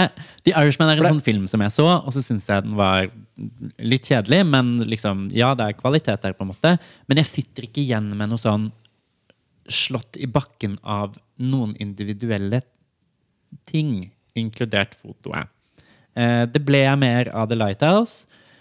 Eh, og, og heier på den. Men jeg tror jommen meg at Roger Deakins fortsetter 1917-toget. Ja, da kan jeg gjøre kort prosess. da. Nå har jo dere reflektert over det meste av det jeg også ville ha sagt. Så det jeg vil bare tilføye, er Jeg tror Roger Deakins vinner for 1917, fordi alt ligger liksom det, det ligger i kortene. Og det er jo ikke feil at Dickens har to. Men det er ikke feil om Robert Richardson har fire heller. altså, han er jo en helt fantastisk fotograf. Og, og um, eh, det er ikke alltid Once Upon a Time in Hollywood er en sånn film som liksom skriker hvor bra foto det er. Fordi det bare fungerer. Eh, men det er noe med at i den grad man også kan si at foto ikke bare er liksom lys og, og, og liksom mm, Sånn som i, i The Lighthouse, det er en slags sånn innetsing av et slags sånn superkontrastert sort-hvitt. Sånne ting man ser. Så tenker jeg ofte mye på den faktiske plasseringen av kamera, hvilken linse, nærbilder, totalbilder, bevegelige bilder, kranshots, whatever. Fungerer de inn i fortellingen? Er de med på hele tiden å bevege oss gjennom en fortelling og en tematikk? Og det er en gang altså Det Richardson og Tarantino har gjort sammen i mange filmer nå, og, og den derre det er en sånn utrolig balanse mellom liksom Tarantino sånn fortellerstemme og, og greie, hele hans liksom identitet, og hvordan Richardson klarer å liksom få det inn i bildene. Alle bildene. Og jeg syns da dypest sett egentlig at det er Så lenge Parasitt ikke er nominert, som jeg også ville hatt som en favoritt her, også pga. av framings mye. Ikke? Det er ikke Ja. sånn at estetikken er sånn skrikende tydelig, sånn som i The Lighthouse. For eksempel. så jeg, liksom, jeg må innrømme at jeg har mest et hjerte for Once Upon a Time in Hollywood. Så kan man si at Robert Richardson har på en måte vunnet så mange Oscars at det, det holder. Så det blir kanskje ikke han. Og jeg, jeg slenger meg på The Lighthouse. Altså, den er bare nominert for én pris, og det er beste foto. Og det er utrolig fett og kult. ikke sant? Men jeg tenker sånn happy to be there. Uh, for, takk for nominasjonen-stemning. Uh, og så tror jeg det blir uh, 1917, da, fordi alt tilsier at det blir Once Upon a Time er for øvrig min sånn skikkelig runner-up. Jeg er enig i Ja. foto der er helt eksepsjonelt. Og det hadde vært fint på en måte at han nå etter seks filmer med Tarantino endelig vinner en for sitt ta arbeid med Tarantino. da. Ok, vi går videre. Beste dokumentarfilm. Lange dokumentarfilm. Kinodokumentarfilm, skal vi kalle det. Mats, vil du ta oss gjennom de nominerte? American Factory, The Cave, The Edge of Democracy, For Sama og Honeyland. Her kan jeg bare si med en gang at jeg har ikke sett noen av de. Nei? Har du lyst til å starte da bare fort med å si om du har, om du har noen tips ut fra research? Nei, altså, den som jeg har hørt mest om, og som virker som den som er sterkest, det er jo For Sama. Så jeg kan jo bare si at jeg tror den. Fordi det er den jeg, ja, men det er den jeg har hørt mest om, og den virker jo også helt forferdelig gripende. da. Mm. Og jeg har tenkt å se den. Det er den jeg tenker først og fremst at jeg vil se ut fra de som er her. Nettopp. Jeg kan da være med på å kaste tennisballen opp til racketen til Mats. Eh, Jeg har sett to av fem. Ikke så bra, kanskje, for jeg vet at jeg kan se to av de tre jeg ikke har sett, er på Netflix. Så, men jeg har sett Honeyland, og jeg har sett Forsama. Og så er The Edge of Democracy og American Factory er begge produsert av Netflix. Begge er på Netflix. De av lytterne som kaster seg over dem, kan se dem med en gang. Og så har vi The Cave. Eh, Så eh, jeg kan bare i hvert fall si at Forsama det er en film som består av um, den, uh, si, den gjengir og skildrer flere år av Syria-opprørene som ble til Syriakrigen, som ble til et blodbad og massakrer. Og hovedpersonene er noen unge aktivister som blir til eh, mennesker som prøver å overleve. Eh, en ung kvinne eh, forelsker seg i sin gode venn, som er lege, og de jobber med å holde et sykehus gående under bombene, og de gifter seg, og de får en datter som heter Sama. Og filmen er til henne. Hvis vi overlever dette, kjære lille Sama, vi etterlater deg en verden. Altså, jeg begynner å gråte nesten bare å tenke på filmen. Og den er så grusom, eh, og den er så brutal. Alt det som ikke er eh, mulig å vise på Dagsrevyen fordi det er så forferdelig grafisk, det er med i denne filmen. her. Og jeg tror jeg aldri skal se den igjen, men den er fantastisk sterk. Men du Må jeg si. felt, felte ikke en tåre Nei, for den? det, var, det var min opplevelse av den filmen. Honeyland er en sykt poetisk, nydelig film fra Nord-Makedonia om en eh, eh, Det bor jo da etniske tyrkere i det som tidligere var Makedonia, og som nå har skiftet navn til Nord-Makedonia Makedonia etter en konflikt med Hellas, hvor en provins heter Makedonia. Og Honeyland er da en film som utspiller seg på tyrkisk blant eh, birøktere i Nord-Makedonia. Og den er nydelig. Og den er nominert for beste internasjonal film òg. Som første film i historien, Ja. som er i begge de to Ja. Og det er win-win. Jeg liker begge disse filmene veldig godt. Og jeg tror, jeg har inntrykk av at American Factory er dritbra. Og jeg er litt spent på The Edge of Democracy. Det handler om brasiliansk politikk. Og The Cave er også en sånn Syria-sykehus-bombekrigsfilm som jeg tror kanskje jeg Jeg vegrer meg litt for å se fordi det er så brutalt. Mats, du vet alt om denne kategorien. Nesten. Eh, må si igjen et bitte lite stort hull. Jeg har ikke rukket å se The Cave. Ta det med ro. Nei, jeg skal se den på lørdag. Eh, her tror jeg igjen det er duell, altså. For Ja. Sama, som dere snakker om. Ja da. Eh, veldig sterkt. Det er jo en eh, veldig lite amerikansk eh, kategori, egentlig. Eh, så jommen meg er ikke American Factory en sterk konkurrent her, selv om den vel ikke handler om et like sterkt tema. Men den har et eh, lite ektepar bak i kulissene med litt penger og litt hjelp, og de heter Obama. Å ja. Den, Da, oh ja. Nettopp, ja. bare der, begynner man jo Litt sånn produsert da. av hashtag eh, Ja. Michelle og Barack. Rett og slett. Okay. Og det er også en ganske, ganske fin dokumentar. Ikke noe sånn Jeg har lest eh, mye bra om den. Kjempeverk i dokumentarhistorien, men eh, et interessant innblikk i hvordan amerikanske fabrikker drives, eh, og hvordan eh, det amerikanske arbeiderklassen møter da krefter fra utlandet som kommer for å drive fabrikk. Så det blir en av de to. Em, skal jeg si American Factory, da? Ja, gjør det. Og jeg sa egentlig for Sama, men jeg sa det ikke høyt. Så da kan jeg si det. Jeg tror det blir den. Eh, skal vi gå videre? Mats, du holder ordet. Ta oss effektivt og kjapt gjennom en av disse kategoriene vi aldri snakker om. Beste korte dokumentarfilm. Yes. Der er de nominerte In the Absence, Learning to Skateboard in a War Zone, If You're a Girl, Life Overtakes Me, St. Louis Superman og Walk Run Cha-Cha. Jeg har som sagt gjort en innsats på disse kortfilmene. Eh, karret meg til de jeg kan. Det har blitt tre i hver kategori.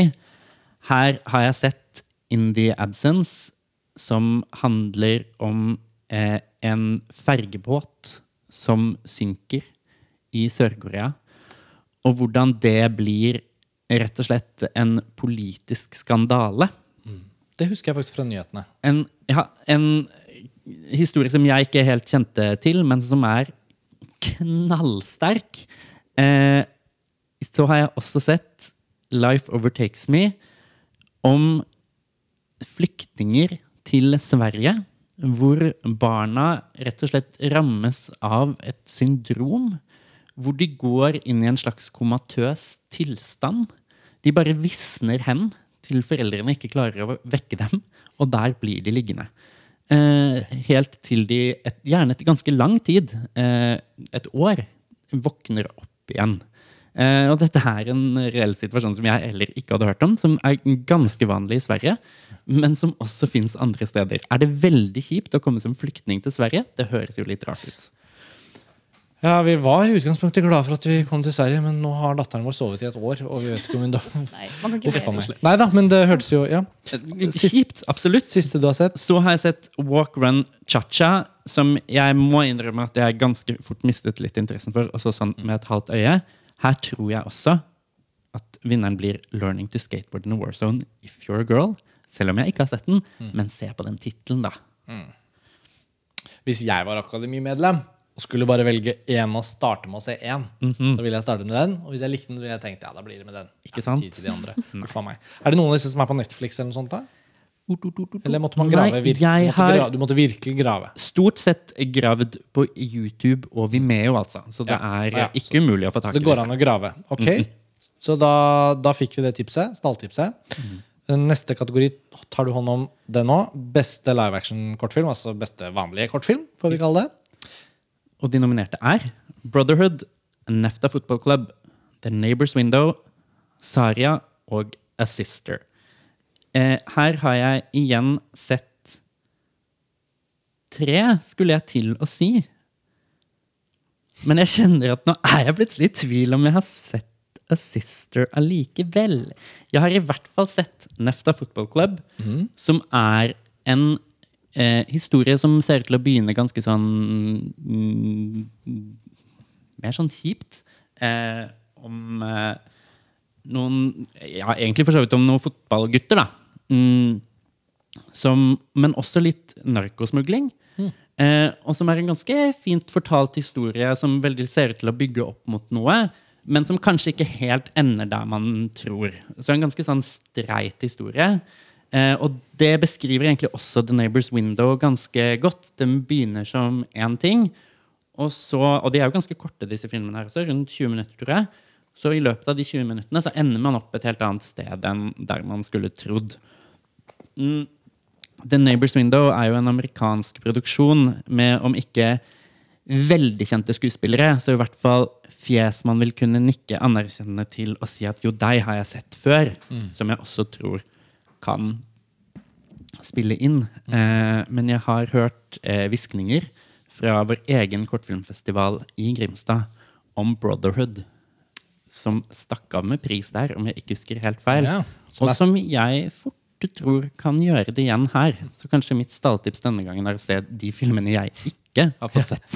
Hvis, hvis Mats har sett noe, ikke stem på det når dere har sånn eh, avstemning på kontoret eller i vennegjengen inn mot Oscar-utdelingen. Nei, men eh, så- Veldig bra, Mats. Bra innsats. Det er alltid gøy å høre om filmer og hva de handler om, og notere seg dem bak øret. Kanskje dukker de opp på en festival eller en Vimeo-link nær deg. Um, da tar vi en pause fra kortfilmene, så går vi over på en av de andre kategoriene, og så skal vi ta én siste kortfilmkategori etterpå.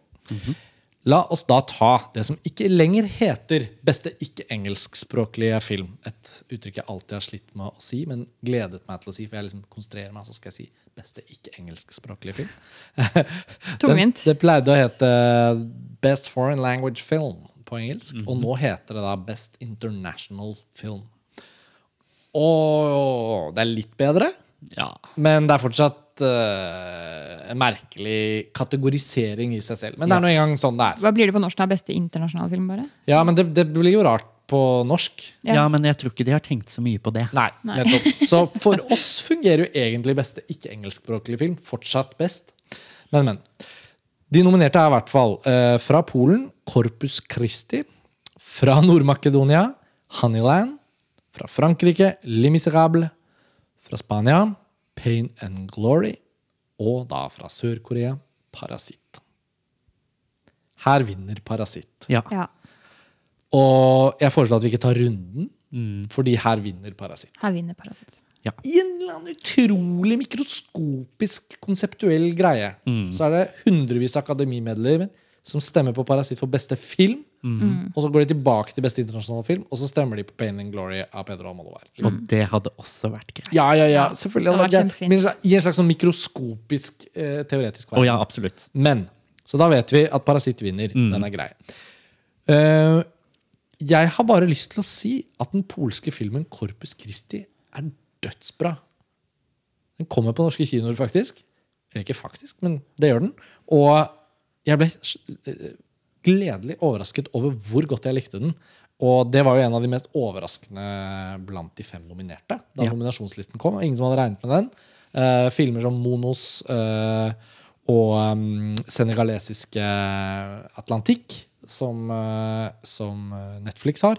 Det var mange filmer som duppet opp for å, for å bli inkludert her. Ja. Og Honeyland selvfølgelig var en kjempeoverraskelse for, for de fleste. Men egentlig ikke overraskende i forhold til at det er jo en kjempebra film. Så når Nord-Makedonia først har sendt inn en dokumentar fordi her får jo alle land nominere hver sin favoritt. og Så videre. så, men vi, la oss ta en kort runde. Jeg bare tok den størsteparten av dette som gjelder Parasitt med en gang. Ja, Parasitt Pernille? Er jo ikke noe tvil, da. Eh, Men eh, la oss si at hvis Parasitt ikke hadde vært i denne kategorien, så hadde jeg heiet på Pain and Glory. Mm. Ja, det, det er helt, helt nydelig. Samme. Men jeg vil også uh, gi litt honnør til Laj Ly, Ja. som var regissert uh, Le Miserable. Hans eller- debutfilm, faktisk. Debutfilm, ja. Eh, Mm. Den heter jo da De elendige på norsk, hvis man må oppsøke den på kino. Jeg Jeg synes det er ganske kult at det starta som en uh, 15-16 minutter lang kortfilm, Mm. og så bestemte han seg for å dra den ut, og det gjorde han jo lurt i, fordi her er han Oscar-nominert med en debutfilm. Ja, Sånne ting syns jeg er jævlig fett. Jeg, ja, den vant en, eh, jury- publikumspris. Ja, Nei. Jeg tror den vant en eller annen jurypris. Ja, det var det kanskje. Jeg husker ikke helt hvilken, men det var et eller annet den fikk. Og Ja. så har den jo gjort kjempesuksess i Frankrike. Solgt millioner av billetter. Ja, og den er veldig god. Mm. Den er kjempesterk. Mats? Ja, det fins jo mange eksempler på Le Miserable-planen. Kortfilm først, langfilm etterpå. Suksess. ja. Skin, som vant beste kortfilm eh, for noen år siden, var jo også et eksempel på det. Selv om ikke den gikk videre til stor Oscar-ære. Nei, men det er en ganske bra film, det med Jamie Bell. Mm. Den gikk på kino i Norge før jul. Mhm. Og ikke så mange som så den, men de som så den, var sikkert Fornøyd. imponert. Og rystet. tro. rystet. altså Det var ikke sånn good time at the movies, Nope. men det var eh, oh. Ja. Nå husker jeg at jeg så en film på 90-tallet som het American History X. Dette var Ja. litt likt. Ja. Men Um, ellers har dere selvfølgelig helt rett. Det ja, blir Parasitt, og ja. hvis ikke så blir det kanskje Almodovar. Men de, Ja. altså, beklager. Og, og jeg må si at eh, jeg- har jo her sett alle filmene, og, og hater ingen. Og tenker at skulle den Oscaren ramle over på noen andre, så ville det bare blitt egentlig litt morsomt. Ja. Hvis da Parasitt vinner en eller annen gjev pris. Mm, Hvis Parasitt helt mot all formodning skulle dra hjem som en slags taper, eh, så er det jo katastrofe. Ja. Ja, men det, la oss håpe at ikke det skjer. Vi skal over på beste klipping. Og hvert år sier vi det samme. Beste klipping er en sånn nøkkelkategori som ofte skal leses i sammenheng med hvem som kan ta de store, viktige prisene. De nominerte i år det er Ford, Ford versus Ferrari, The Irishman, Jojo Rabbit, Joker og Parasitt. Og mm, ja. Jeg trenger jo ikke starte. Jeg pleier alltid å ha litt å si om klipping, siden det er et fag jeg kjenner godt til. Men Pernille, kan ikke du starte denne gangen? Vi kan få tråkke salaten litt først. Det var dårlige klippeligninger. Igjen en kategori hvor jeg ikke syns at The Irishman utpekte seg noe voldsomt mye.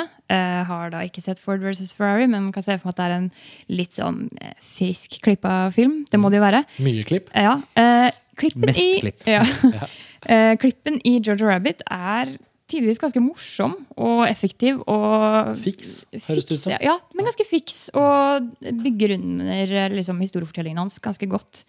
Eh, men mine favoritter altså Jeg tror og håper at Parasite uh, vinner. Men hvis ikke det skulle vært den, så holder jeg en knapp på Joker. Som uh, også er rimelig flott. Mats?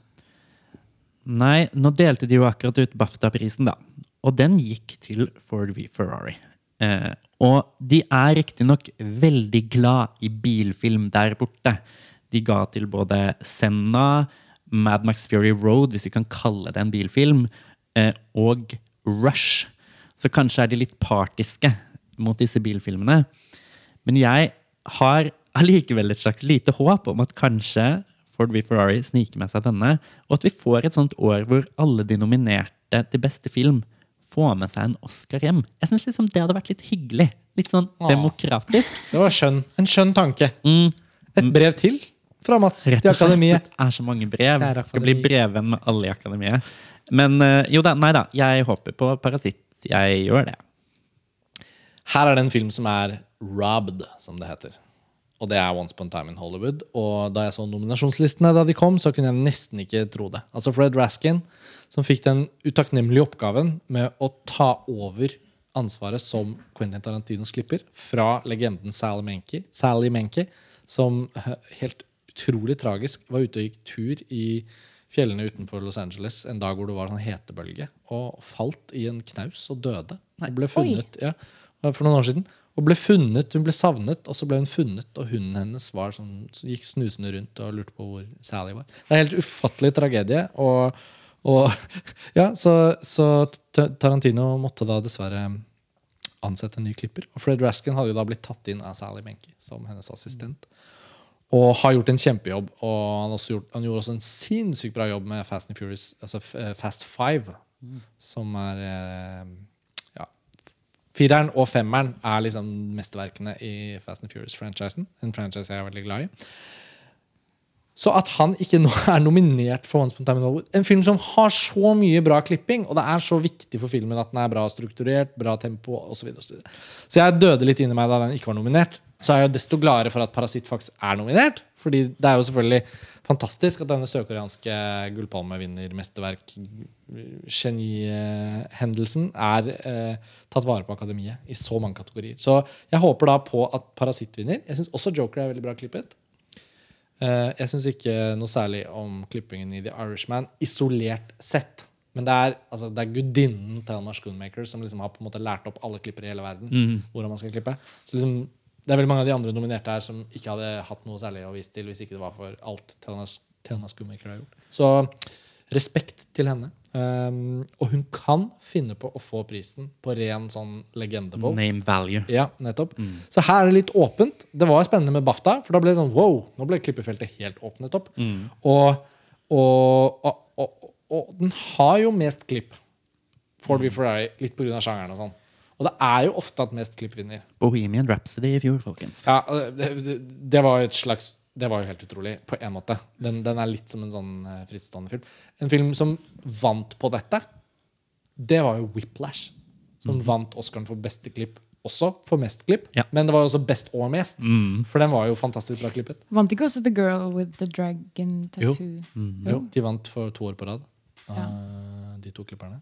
Og, um, og uh, vi må ikke glemme at en film som The Matrix vant for beste klipp i sin tid. Det skjer spennende ting i den kategorien. Ja, så, og, siden vi snakket om det, og du nevnte Once Upon a Time in Hollywood, som mm. da ikke er nominert Jeg tror vi skal så langt tilbake som 1980, da Ordinary People vant beste film uten Uten å ha en klippenominasjon. Ja. Så det er nøkkelen der. Ja. Det er eh, Altså, man skal aldri lene seg for tungt på statistikk, Nei. men å klatre over denne haugen her, Tarantino, og vinne den beste film, det spørs, altså. Og for det... ja, selv Green Book i fjor var nominert til beste mm. klipp. Tro og, det eller ei. Og det husker jeg. Jeg vet ikke om vi snakket om på podkasten, men jeg husker jeg tenkte sånn Oi. Green Book er nominert for klipp, ja. Ja, da kan det skje. Mm. Husker jeg tenkte sånn ord. Og det, bare før vi går videre Jojo Rabbits nominasjon her for beste klipp. Ja, ikke sant? Og, mm. pub og, og, publikumsprisen i Toronto. Så det er noen sånne greier som ulmer der under Jojo Rabbit. Mm -hmm.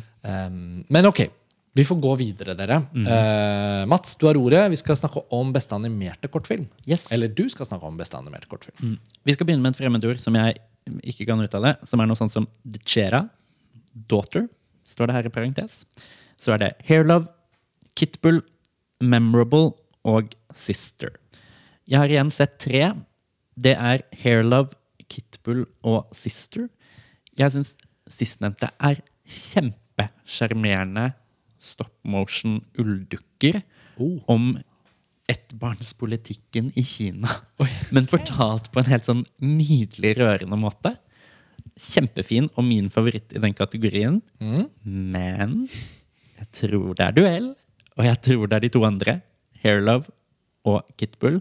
Hairlove er en ganske sånn tradisjonell Lurer på om det er Pixar, faktisk. For jeg har ikke sett Toy Story 4, så jeg vet jo ikke da hvilken kortfilm fra Pixar som var sånn forfilm mm. i år. Ikke I fjor, men denne, men jeg lurer nesten på om ikke vi hadde noe forfilm. Det høres utrolig ut når jeg Ja. sier det, men jeg kan ikke Fordi den, huske I fjor var det jo den Bao, var det ikke det? Ja, Den er som var kjempefin. fantastisk, ja. Kjempefin. Eh, men Kitbull, hva slags film er det, da?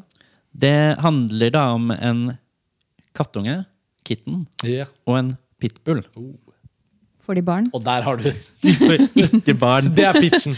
Er det, hva slags animasjonsuttrykk har de i Hair Love Kitbull? Er Hair Love litt sånn Pixar-aktig? Hairlove er ganske Pixar-aktig, og jeg lurer på om det er Pixar. Ja, eh, mens Kitbull er litt mer sånn Hva heter dette franske animasjonsstudiet med tvillingene fra Belleville? Ja, Kanskje litt mer sånn raggete, trenger å rufsete uttrykk.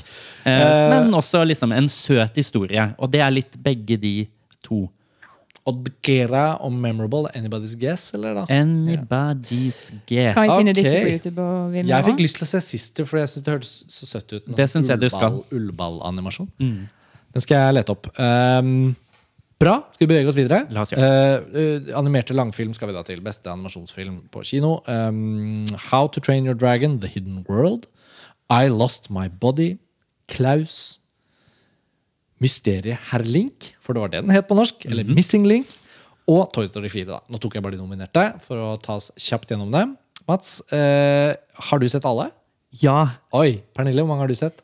Null. Null! Ja, det er helt Åh. sykt. Og jeg som gleda meg så mye Ja. til Toy Story 4, og så har den fått så lunka mottagelse. Så jeg er nesten litt sånn redd nå for å se den. Jeg er jo småbarnsfar og skulle gjerne ha sagt at jeg hadde sett flere enn to, men jeg har bare sett to. Eh, jeg har sett Mysteriet Herr Link og Klaus.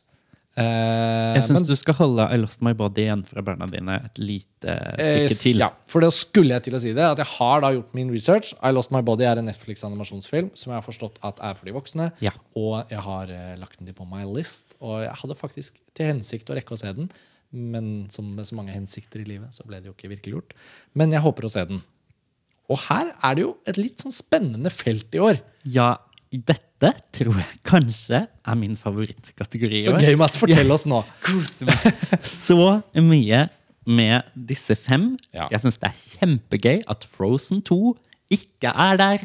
Det er gøy, men jeg må kime inn at jeg syns Frozen 2 var bedre film enn Frozen 1. Ja. Og jeg syns Frozen 2 Jeg, jeg syns det. Og den har jo allerede blitt spilt en del hjemme hos oss. Fordi vi var på ferie i et uh, fremmed land i julen. Og der var den til salgs på DVD. Så den var allerede sluppet på DVD der. Ja. Så da Da ble det det, I det øyeblikket datteren min så det, så tenkte jeg ja. Altså 18 kroner for Frozen 2. Det, det er klart du skal få den på DVD.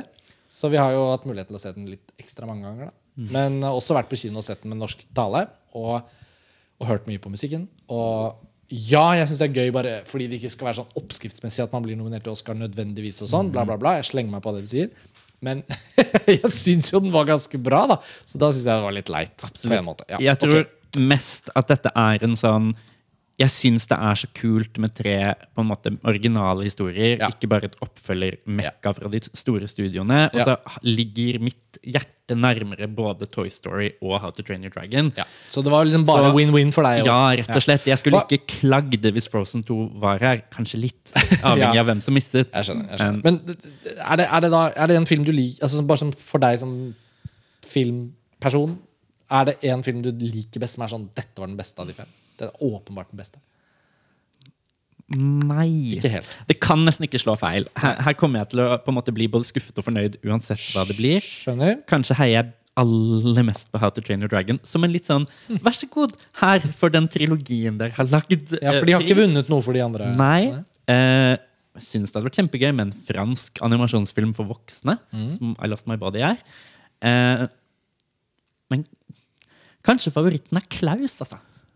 Jeg syns den var kjempebra. Mm, Jeg jeg også liksom det. skikkelig positivt overrasket over den filmen. Det er jo da Netflix originalproduksjon. Mhm. Men en nydelig animasjonsteknikk. Ja. Og bare eh, Og liksom fint foto, Ja, for å kalle det det. jeg er helt enig. Spektakulært, liksom. Jeg tipper vi har helt like tanker om den. Og jeg ble Mm. overrasket, for jeg har da litt grann fordommer. Og så tenker Mhm. jeg ja, ja. Men det var jul, og så sitter man der i sofaen, og så ligger den, og så har jeg hørt litt buzz. Og så tenker jeg da blir det å se den. Ja. Plukk Kjempebra opp film. denne om et lite år Ja. i jula Ja. se den. Ja, Og Netflix har jo gjort en smart investering. sant? Hvis ikke vi har den faste julefilmen hvert år, så mangler vi jo noe når folk skal sitte. Og vi kan ikke lage det hver gang. Vi kan ikke kjøpe inn rettighetene fra Disney lenger, for nå kommer Disney Pluss osv. Det er veldig smart av dem. Og Og jeg syns også Mysteriet her Linko er en ganske bra film. Og den vant jo Enig. Golden Globe for beste animasjons... Og da åpnet feltet seg litt, gjorde det ikke? Jo, og det har vært åpnet igjen og igjen i denne kategorien. For det, det er spredning her. Klaus vant Annie Awards, og så sitter man der, da. Og så har plutselig flere filmer vunnet store priser. Og kanskje til slutt er dette litt en kategori hvor det ender opp med hva har folk egentlig sett? Hvis de først bruker det da, som en faktor. Det er veldig gøy at det virker såpass åpent, kan jeg si, da, som ikke har sett noen av dem. Ja, ja, ja. Men, men altså, det Men, pleier eh, jo som regel å være sånn én som er så mm. Det er så gitt. Men ut ifra hvor vi er, eh, at det er ikke jul lenger, og sånn, så tenker jeg bare vent med Klaus, og så ta den eventuelt som en julefilm når du får lyst til å se den for første gang. En eller annen sånn. Men jeg skal jo da virkelig prøve å sette den der Lost My Body, til og med kanskje før Oscar-utdelingen. Også fordi jeg bare har skjønt at det virker som en dritbra film. Ja. Så Pernille, den vil jo kanskje være se øverst på din liste. Ja. Og den er ganske kort. Ja, også en veldig bra innsats. eh, Ja. Mm.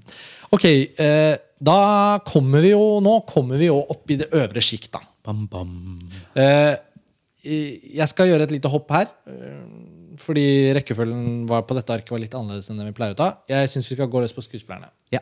Ja. Um, Pernille, kan ikke du ta oss da gjennom eh, beste kvinnelige birolle? Jo, der har vi Kathy Bates i Richard Jewell, Laura Dern i Marriage Story, Scarlett Johansson i Jojo Rabbit, Florence Pugh i Little Women og Margot Robbie i Bombshell. Her er det jo en uh, veldig fin blanding, syns jeg. Du er vel enig, Mats? En ganske hvit blanding, sa du? En, ja, en, en hvit blanding, men en god blanding. Uh, jeg har ikke sett Richard Jewell, så jeg kan ikke uttale meg om Kathy Bates, men jeg ser jo for meg at hun er fremragende, som hun pleier å være. Uh, litt sånn overraska kanskje over at Laura Dern er her, som egentlig er det svakeste kortet i Marriage Story. Og ikke bare er hun der. Hun eh, kanskje ligger an til å vinne også. Eh, Scarlett Johansson er supersjarmerende og morsom i Jojo Rabbit. Eh, og Margot Robbie er også veldig, veldig god i Bombshell. Men det er Florence Pugh som er stjerna her. Og jeg blir rett og slett litt fylt av sorg hvis ikke hun vinner. Altså, det er ikke en sånn overdue-pris, fordi Florence Pugh er jo, er jo eh, Bare barnet. ja, hun er bare barn. Hun er jo så ny, men hun er jo også så god og så eh, diverse, kan man si, i mm. måten hun spiller på. Og ja, hun er den beste i denne kategorien. Så jeg håper på Florence. 100 eh, Og jeg tror dessverre det blir Laura Dern. Ja. Mats? Jeg trøster meg med at Florence Pugh, ung som hun er, og med den allsidigheten hun har vist bare i år med Little Women, Fighting With My Family og Midtsommer, Sommer. så eh, kan vi ikke tro annet enn at vi har store ting i vente for henne, og kanskje Eller ikke engang kanskje. Oscaren må vente. For det, det blir jo Laura Dern. For Laura Dern har ventet. Og hun har ventet og ventet og ventet.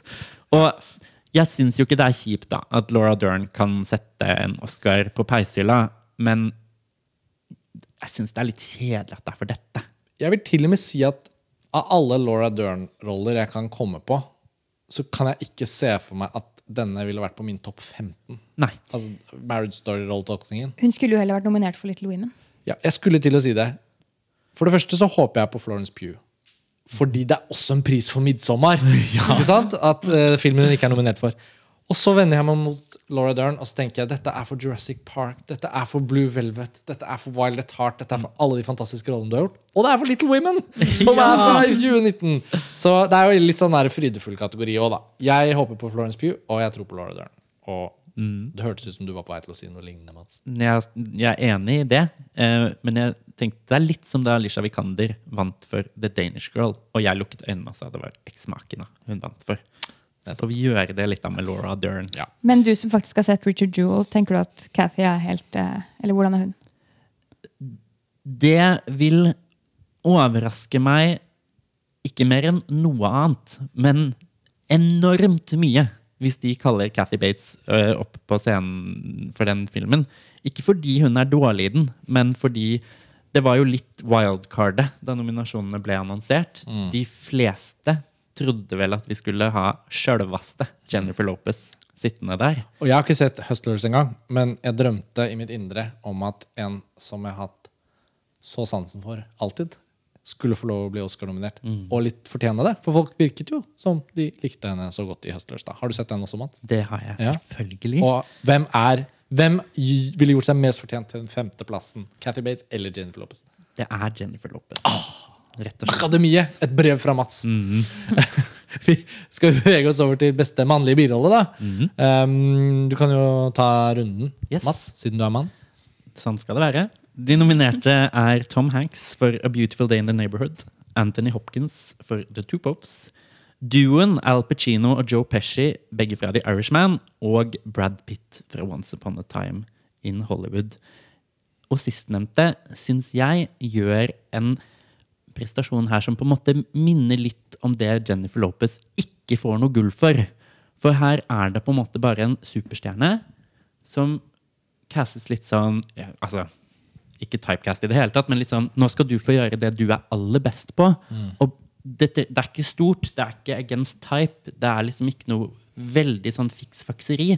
Du bare Kom her, gjør det du kan, og nail det. Ha det Altså, gøy og lek deg med rollen. ja, Så skal du få ei lita gullmann av oss. Og det får altså Brad Pitt. Mm, Tror jeg. Dette er jo litt sånn beste internasjonale film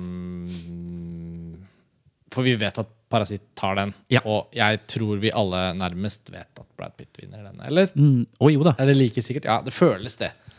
Det ligger i kortene, gjør det ikke? Han har vunnet alle priser han kan vinne i forkant. Rett og slett. Jeg tror og håper på Brad Pitt. Men Ja. jeg ser at Tom Hanks er her, og eh, nå har jo ikke jeg sett den, jeg vet at du har sett den, Mats, men, Ja. men at han er i supporting. Jeg trodde han, at, jeg trodde han var hovedrollen i filmen. Eh, nei, altså jeg er jo vanligvis en forkjemper for riktig kategoriplassering. Og la meg irritere over at hovedroller tvinges eller søker ned i eh, birollekategorien. Bare fordi det er bedre sjans, liksom. Mhm. Men eh, nei, jeg kjøper den. Uh, A Beautiful Day in the Neighborhood. Jo da, det er ganske mye Tom Hanks, men det er ikke en film om Mr. Rogers som Tom Hanks her spiller. Eh, og han kan få være der så mye han vil. Jeg så denne filmen i forrige uke eh, på Göteborg filmfestival. Åh, godt av banen. Jeg kosa meg, altså. Jeg gjorde det. Bra saker. Kjempebra saker, eh, regissert av Marielle Heller, som tidligere har gjort A Diary of a Teenage Girl og fjorårets vel, Can You Ever Forgive Me. Som, og denne trioen her Ja. av filmer er så sterk Et er det, at trick. Hun har ja, på gang. Rett og slett et hat trick. Og nå må vi snart skjønne det i akademi også. Jeg skriver så mange brev. ja, men, Men altså, en annen ting bra En ting er uh, Oscarer og sånn, men noe annet som jeg bare tenker er så bra for Mariel Heller Lage film hvert år. Sant? Det virker som om hun virkelig er up to speed. Hun får prosjekter. Hun er liksom, Nå skal hun bare lage mer film, og, og det blir noe med henne. Jeg tror ikke vi skal være Absolutt. redd for det. Uh, og jeg tipper hun kommer til å lage Hun har ennå ikke laget sin beste film. på en måte Nei. Um, nei, men La oss gjøre kort prosess med denne kategorien. Jeg syns Joe Pesci er den beste av skuespillerne i The Irishman. Jeg synes Det er fantastisk at han er nominert. Jeg er med på at Pacino også er nominert. Uh, men når det er sagt, så føler jeg jo kanskje at liksom Det er jo synd.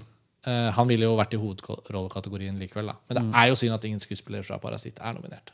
Og jeg syns det hadde vært kledelig om Song Kang-ho. Song Kang-ho jeg, jeg husket det faktisk. Da var jeg, på, jeg måtte tenke noen sekunder, og så hjalp du meg. Og så husket jeg det, og så øh, kunne vi si det. Han er så bra. Ja. Han har vært så bra i så mange filmer fra Sør-Korea. Og det hadde vært så innmari kult. Det hadde bare vært så bra signal. eh, men ok. Vi skal over på hovedrolleinnehaverne. Eh, først eh, kvinnelig hovedrolle. Jeg kan jo ta den, jeg. Eh, Cynthia Erivo i Harriet.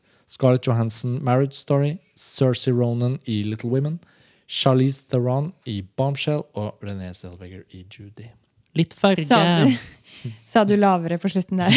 Ja, her er det en del filmer jeg Eller ikke en del, altså det er noen filmer jeg ikke har sett. Jeg kan begynne. Eh, alt tilsier at René Zellweger vinner Oscar for sin rolle som Judy Garland i Judy.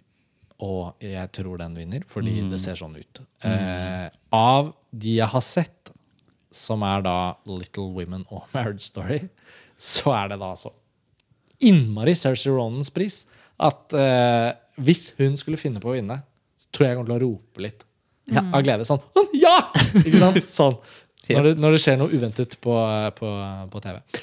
Ja, det var mine tanker. Jeg er helt enig. Det er i så fall den jeg ville hoppet opp i sofaen for, tror jeg også, hvis det hadde blitt uh, Saoirse Ronan. Jeg syns Scarlett Johansson er veldig bra òg, faktisk. Nå fikk jeg ikke sagt det. Ja. Men jeg syns hun er veldig bra. Jeg liker Scarlett Johansson. Alltid gjort det. Hun er min runner-up. Jeg syns definitivt at hun uh, skulle fått den hvis ikke det ble Saoirse. Uh, litt sånn provoserende at hun er nominert i to priser, men det er jo en annen eh, debatt. Um, jeg har ikke sett Harriet. Eh, og som jeg nevnte i stad, Charlize er sinnssykt god i Bombshell, men hun overgår ikke Saoirse og Scarlett. Eh, men det blir nok dessverre uh, René her også. Ja, nei, uff. Det, Jeg har ikke sett den, men jeg har jo er registrert at ikke den er så godt likt. karikert og overspilt og det ser ut som altså, Da vi satt og så den, jeg og Mats sammen, så bare måtte vi lene oss over til hverandre. bare sånn, Alt er så stygt og dårlig. Men er altså, det? eh, Judy Garland var jo over the top som type. Ja. Hjelper, hjelper ikke det litt at hun faktisk også var sånn? Litt sånn? Eller tar jeg, spekulerer er jeg litt feil? Renee også. Det hjelper litt i det uunngåelige. Nå får hun den prisen, og da får vi vel bare godta det. Jeg synes det er Jeg kan ikke forstå det, eh, men den får hun. Eh, og det eneste alternativet, hvis vi prøver å gjøre dette til en duell, så er det Scarlett Johansen. Ja. Eh, tror jeg. ja, for det er mye kjærlighet for Marriage Story, føler jeg, ute. Det har vært mye snakk om den filmen gjennom hele sesongen, og hun, hun, hun er jo hun er jo nesten også litt due. Hun er ung fortsatt, men hun har gjort så mye, og gjort så mye bra. Og nå kom de første to nominasjonene. Ja, nominasjonene. Var da nesten 20 år etter at Så blir det Black Widow-nominasjon neste år, da? Dobbel nominasjon okay, nei, til Scarlett og Florence. Vi beveger oss videre med denne resignasjonen rundt at det er en sånn åpenbar kategorifavoritt. Da. Det er jo alltid litt kjedelig, men vi kan jo ikke snakke, snakke oss rundt det. Beste mannlige hovedrolle, Bernille, vil du ta den? Ja, Der har vi Antonio Banderas i Pain and Glory, Leonardo DiCaprio i Once Upon a Time in Hollywood, Adam Driver i Marriage Story, Joaquin Phoenix i Joker og Jonathan Price i The Two Popes. Det er jo en soleklar favoritt her også, da. Det, alt i hele verden tyder jo på at det blir Joaquin. Og ingenting vil vel egentlig gjøre meg gladere enn det i denne kategorien. Selv om jeg også hadde likt å se Adam Driver få den. Ja, Mats? Sånn hvis jeg skal være kort om det. Ja, nå var det kort og kjapt. Vi kan jo Ja. diskutere litt mer etter hvert som vi andre kommer inn i Det blir Joaquin. Det gjør det, og det er greit. Han har i mine øyne fortjent det før. Vi og kommer sikkert Venezia. til å fortjene det igjen. eh, så det syns jeg er fint. Men dette er også litt en sånn kategori hvor jeg, jeg kommer ikke til å grine hvis noen er plutselig sniker seg opp på den scenen som ikke heter Joaquin Phoenix. Og eh, Anthony McCartan, som altså har skrevet manuset til The Two Popes, hans tre foregående filmer har endt med Oscar til den mannlige hovedrollen. Så det kjennes jo nesten som en umulig kvartett. Vi må da få Jonathan Price opp på den scenen. Men ikke eh, nå. Det blir, nei, det blir Joaquin Phoenix, og Ja. det er greit. Jeg tror også det blir det, og jeg må jo si at jeg på en måte tenker han var da best. Eh, men det er også Dette er jo det vi av og til eh, Dette er det motsatte av det vi av og til sier. Her er det jo riktig skuespiller på riktig tidspunkt i karrieren, bevist nok, vært nominert nok, og får det ikke for feil rolletolkning, men for en av de bedre han har gjort. Han har gjort mange bra roller. På en måte burde han bare vunnet Oscar for Gladiator, for han allerede Ja. da var han jo på en måte helt utrolig. Og så kunne han vært en sånn fyr som tok hjem en nummer to. ikke sant? Ja. Uh, men, men. Han har ikke vunnet en Oscar, og han bør få den nå, og han skal få den nå. Når det er sagt, altså Leonardo for Once Upon Time in Hollywood, Adam Driver for Marriage Story, og ikke minst Antonio Banderas for Pain and Glory. Men der følte jeg det var så viktig at Banderas fikk den nominasjonen. Ja. For det var så riktig. Ja. Det er jævlig Eh, og så det, han, da ble jeg bare glad for det. Så, så nei, det blir gøy å følge med på den kategorien også, men, men det ligger jo i kortene at Joaquin tar den. Nå har han jo klinka til med den ene interessante hva skal vi si, takketalen etter den andre. Ja. Sist på BAFTA med det politiske eh, Han sløyet britenes rasisme der, og det var litt rørende. Hele industrien omtrent. Jeg håper på litt uh, Frances McDormand-reprise. Ja, At ja. han får den prisen og bruker den scenen for alt som er verdt. nå, liksom, jeg føler Joaquin Phoenix har liksom tatt oss med på så mange rare reiser i offentligheten. Han er nesten til å bli litt sånn redd da. Ja, ja. På en kul måte. Ja. Ok, Vi har igjen to kategorier, og som vanlig så blir dette lange episoder. Og så blir det litt kort på slutten, fordi vi har på en måte tatt mye av praten. Men vi skal snakke om beste regi, og vi skal snakke om beste film. Eh, vi må ta regi først. Eh, Mats, Yes. eh, de fem kvinnelige nominerte, vil du lese lista? Yes. Nå lurte jeg et øyeblikk på meg. Skal jeg begynne med en sånn Martina Scorsese nå? Men så så jeg på resten av navnet og tenkte sånn eh, Rekker jeg å finne på noe her? Nei da. Det er altså Gutta kjører. Gutteklubben. Igjen Martin Scorsese, The Irishman, Todd Phillips, Joker, Sam Mendes, 1917, Quentin Tarantino, Once Upon a Time in Hollywood og Bong Yon-ho, Parasitt. Det, det er jo Sterkt. på en måte, da. Man må si det. Det er sterke saker. Man gjerne i år kunne slengt opp fem damer der som nesten hadde matcha det, i mine øyne. og, og nå tror jeg, jeg tror med tålmodighet nå, år for år, filmår for film, nå, nå, nå begynner vi å komme til å se fruktene av at folk har tatt seg selv i nakken og bare tenkt nei, men for helvete, altså, nå må vi skjerpe oss. Nå må vi ha flere perspektiver inn til å fortelle historier. Om det er kvinner, om det er menn, om det er eh, hvite, sorte, hva som helst. Varierte historiefortellere skaper et mer variert eh, filmkulturelt uttrykk, og det blir win-win for alle til slutt. Når det er sagt, så har vi jo da fem nominerte som ikke akkurat står tilbake for eh, anerkjennelse. Utrolig nok så må jeg si at jeg syns Martin Scorsese er den svakeste, på en måte, Ja. Ja. for filmen. da. Eh, åpenbart ikke for, for hvem han er. Men, eh, men eh, Todd Phillips Kanskje har, også kommer jo aldri til å lage en Todd Phillips kommer aldri til å lage en like bra film som dette. dette er hans. Dette er Hangover-trilogiens autør. eh, og, og han har klart mesterstykket å dra seg selv opp og, og lage en så utrolig film som Joker tross alt er. Og, um, og, og, og Quentin Tarantino og Bong Joon-ho har vi nå allerede snakket så mye om. Jeg tror lytterne har skjønt for lengst at vi syns de filmene fortjener masse Oscars. Så er det Sam Mendes som er favoritt, da Ja. er litt surt. Ja. Det er selvfølgelig imponerende å lage en sånn film. Som er en sånn fornøyelsespark i krigen-aktig dataspillopplevelse. eh, som er veldig bra lagd. Og det er jo bra lagd. Ikke sant? Det er vanskelig å si Jeg kan ikke si, jeg kan ikke si at Sam Mendes har gjort en dårlig jobb. Nei. Uh, men han er ikke min favoritt i den kategorien. Jeg håper Quentin Tarantino får den. Og jeg håper, tror, at Bong Joon-ho får den. Og jeg sukker når jeg sier at jeg tenker at Sam Mendes er favoritt og kanskje vinneren. Hva med dere? Jeg tror nok også rimelig sikkert at det blir Sam Mendes. Um, så mye som jeg favoriserer Parasitt, så håper jeg at uh, den heller vinner manus, og at det blir Tarantino sin tur til å få regiprisen. Det hadde vært veldig gøy. Og det er det han vil selv òg, og jeg vil gjøre Tarantino glad. Så, eller jeg vil at han skal bli glad. Ja, jo, men Å se. Quentin på den scenen ta beste regi Fy søren, det hadde, å, det hadde blitt så bra TV-øyeblikk. Ja. Da skulle han bare fått snappe og snappe Det hadde blitt show også. Så oh. ja. Gi Jeg til Quentin. jeg er selvfølgelig helt enig i det. Gi meg nå det øyeblikket da med Tarantino med regi-Oscaren i hånda, og Ja. gjør det i hvert fall før Sam Mendes får sin andre. Det trenger jeg ikke. Nei, Men jeg hadde stemt Parasitt. Og så er vi på beste film, da, dere. Ja. Dessverre må det gå litt fort unna nå. Vi, vi, vi har jo snakket om nesten alle disse filmene underveis. De nominerte er Ford versus Ferrari, The Irishman, Georgia Rabbit, Joker, Little Women, Marriage Story, 1917, Once Upon a Time in Hollywood og Parasitt. Hvis en av de ikke får en eneste pris på utdelingen, Mats, hvilken tror du, hvilket tror du står dårligst? Ford v Ferrari stiller svakest. Ja. Er Men er en kjempestor sjanse, tror jeg, for at The Irishman også kan gå tomhendt hjem.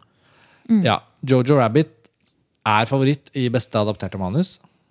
Joker får jo beste mannlige hovedrolle. Kan få et par priser til. Liksom Lydklipp, lydmiks vi snakker ikke sant? Musikk. Mm. Musikk, ikke sant? Så det er ikke liksom Og Little Women håper vi at får noe.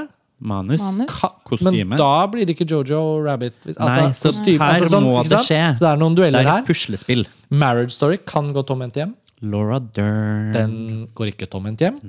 Og, og, og Once Upon a Time in Hollywood eh, eh, burde jo være frontrunneren her i et vanlig år. Ut ifra alt Den handler om filmbransjen. Den er ikke så voldelig som alle andre Tarantinos film. Den er mer spiselig, den har gjort suksess på alle mulige måter. Bla, bla, bla, Den dyrker jo det som akademiet liker. Så Og den får beste mannlige birolle, men oh, Ja. jeg skulle ønske den var en større favoritt i flere kategorier. Og så er det da gullpalmevinner Parasitt, som i hvert fall etter mitt hjerte er liksom det, det, det absolutte megamesterverket fra 2019. Og, og, og, og jeg håper den vinner beste film. Og eh, Og skriver historie. ja, det hadde vært fantastisk. Og jeg vil så innmari gjerne at det skal skje. Og den siste nominerte er 1917, og den er favoritten til å vinne. Jeg har sagt det jeg trenger å si. Hva med dere? Nei, altså 1917 vant jo Golden Globe for beste film. Eh, jeg tror nok dessverre at den gjør det her også. Eh, men jeg håper egentlig på to forskjellige ting. Så det er sånn litt større sjanse for at jeg kanskje blir fornøyd. Eh, med den viten om at Parasitt får eh, beste fremmedspråklige film, så blir jeg veldig glad hvis Once Upon a Time in Hollywood får beste film. Men samtidig så er det det du sier da, Mats, med at Parasitt kan skrive historie her. Og tenk så helvetes fett hvis den vinner beste film, beste fremmedspråklige film, beste produksjonsdesign, og si enten manus eller regi. Det er en historie jeg så til de grader har lyst til å være med på. Så her håper jeg de to, og blir svært fornøyd hvis det blir en av de.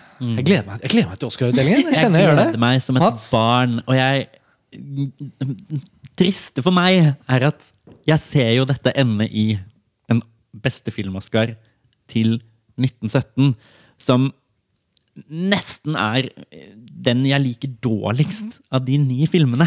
Men den er jo ikke dårlig. Nei, men jeg ville ha så mye mer på Mm. så mange områder. Og jeg er så enig i at liksom, håndverket er bra. Det Ja. går ikke an å si at den er dårlig, men jeg bare ville ha mer. Og den handler jo til slutt ikke egentlig om noe. Nei, Når filmen er ferdig, så er det ikke sånn at du sitter igjen med noe sånn Å, denne filmen lærte meg noe om eller sånn. Du har egentlig bare fått vært med på litt krig. Og det Mm. Man var mangler en dritt. emosjonell investering. Ja, på sett og vis. Jeg tror igjen at dette er en duell. Det er 1917 Mm. Mot mot Parasitt, Parasitt. ja. Det lurer en spoiler i, i en krok.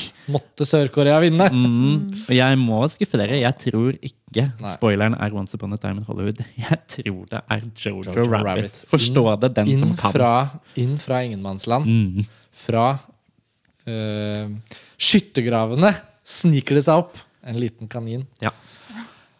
Ok, det var årets uh, Oscar-episode, tror jeg. Mats, Ja. for en herlig gjest du er. Nå, Jo. måtte du bli fast. Uh, om ikke bare i denne episoden, så håper jeg vi får deg tilbake på noe annet Gjerne det. i, utover i 2020. Pernille eh, og, og spøkelset Lars Ole, som da sitter her uten å sitte her. Takk for denne gang. Eh, måtte den beste vinne Oscars i haugevis. Vi får se hvordan det går. Utdelingen er altså natt til eh, mandag 10. januar. Altså 9. Februar. januar. Februar, unnskyld. Februar, 9. februar. Litt tidligere enn vanlig. Um, vi ses i nattemørket foran eh, forskjellige streaming eh, he Hemmelige, f illegale streamingvideoer av utdelingen. Det er jo dessverre ikke sånn at den sendes på vanlig norsk TV. Så vi får se hvordan det blir. Takk for denne gang. Ha det bra, alle sammen.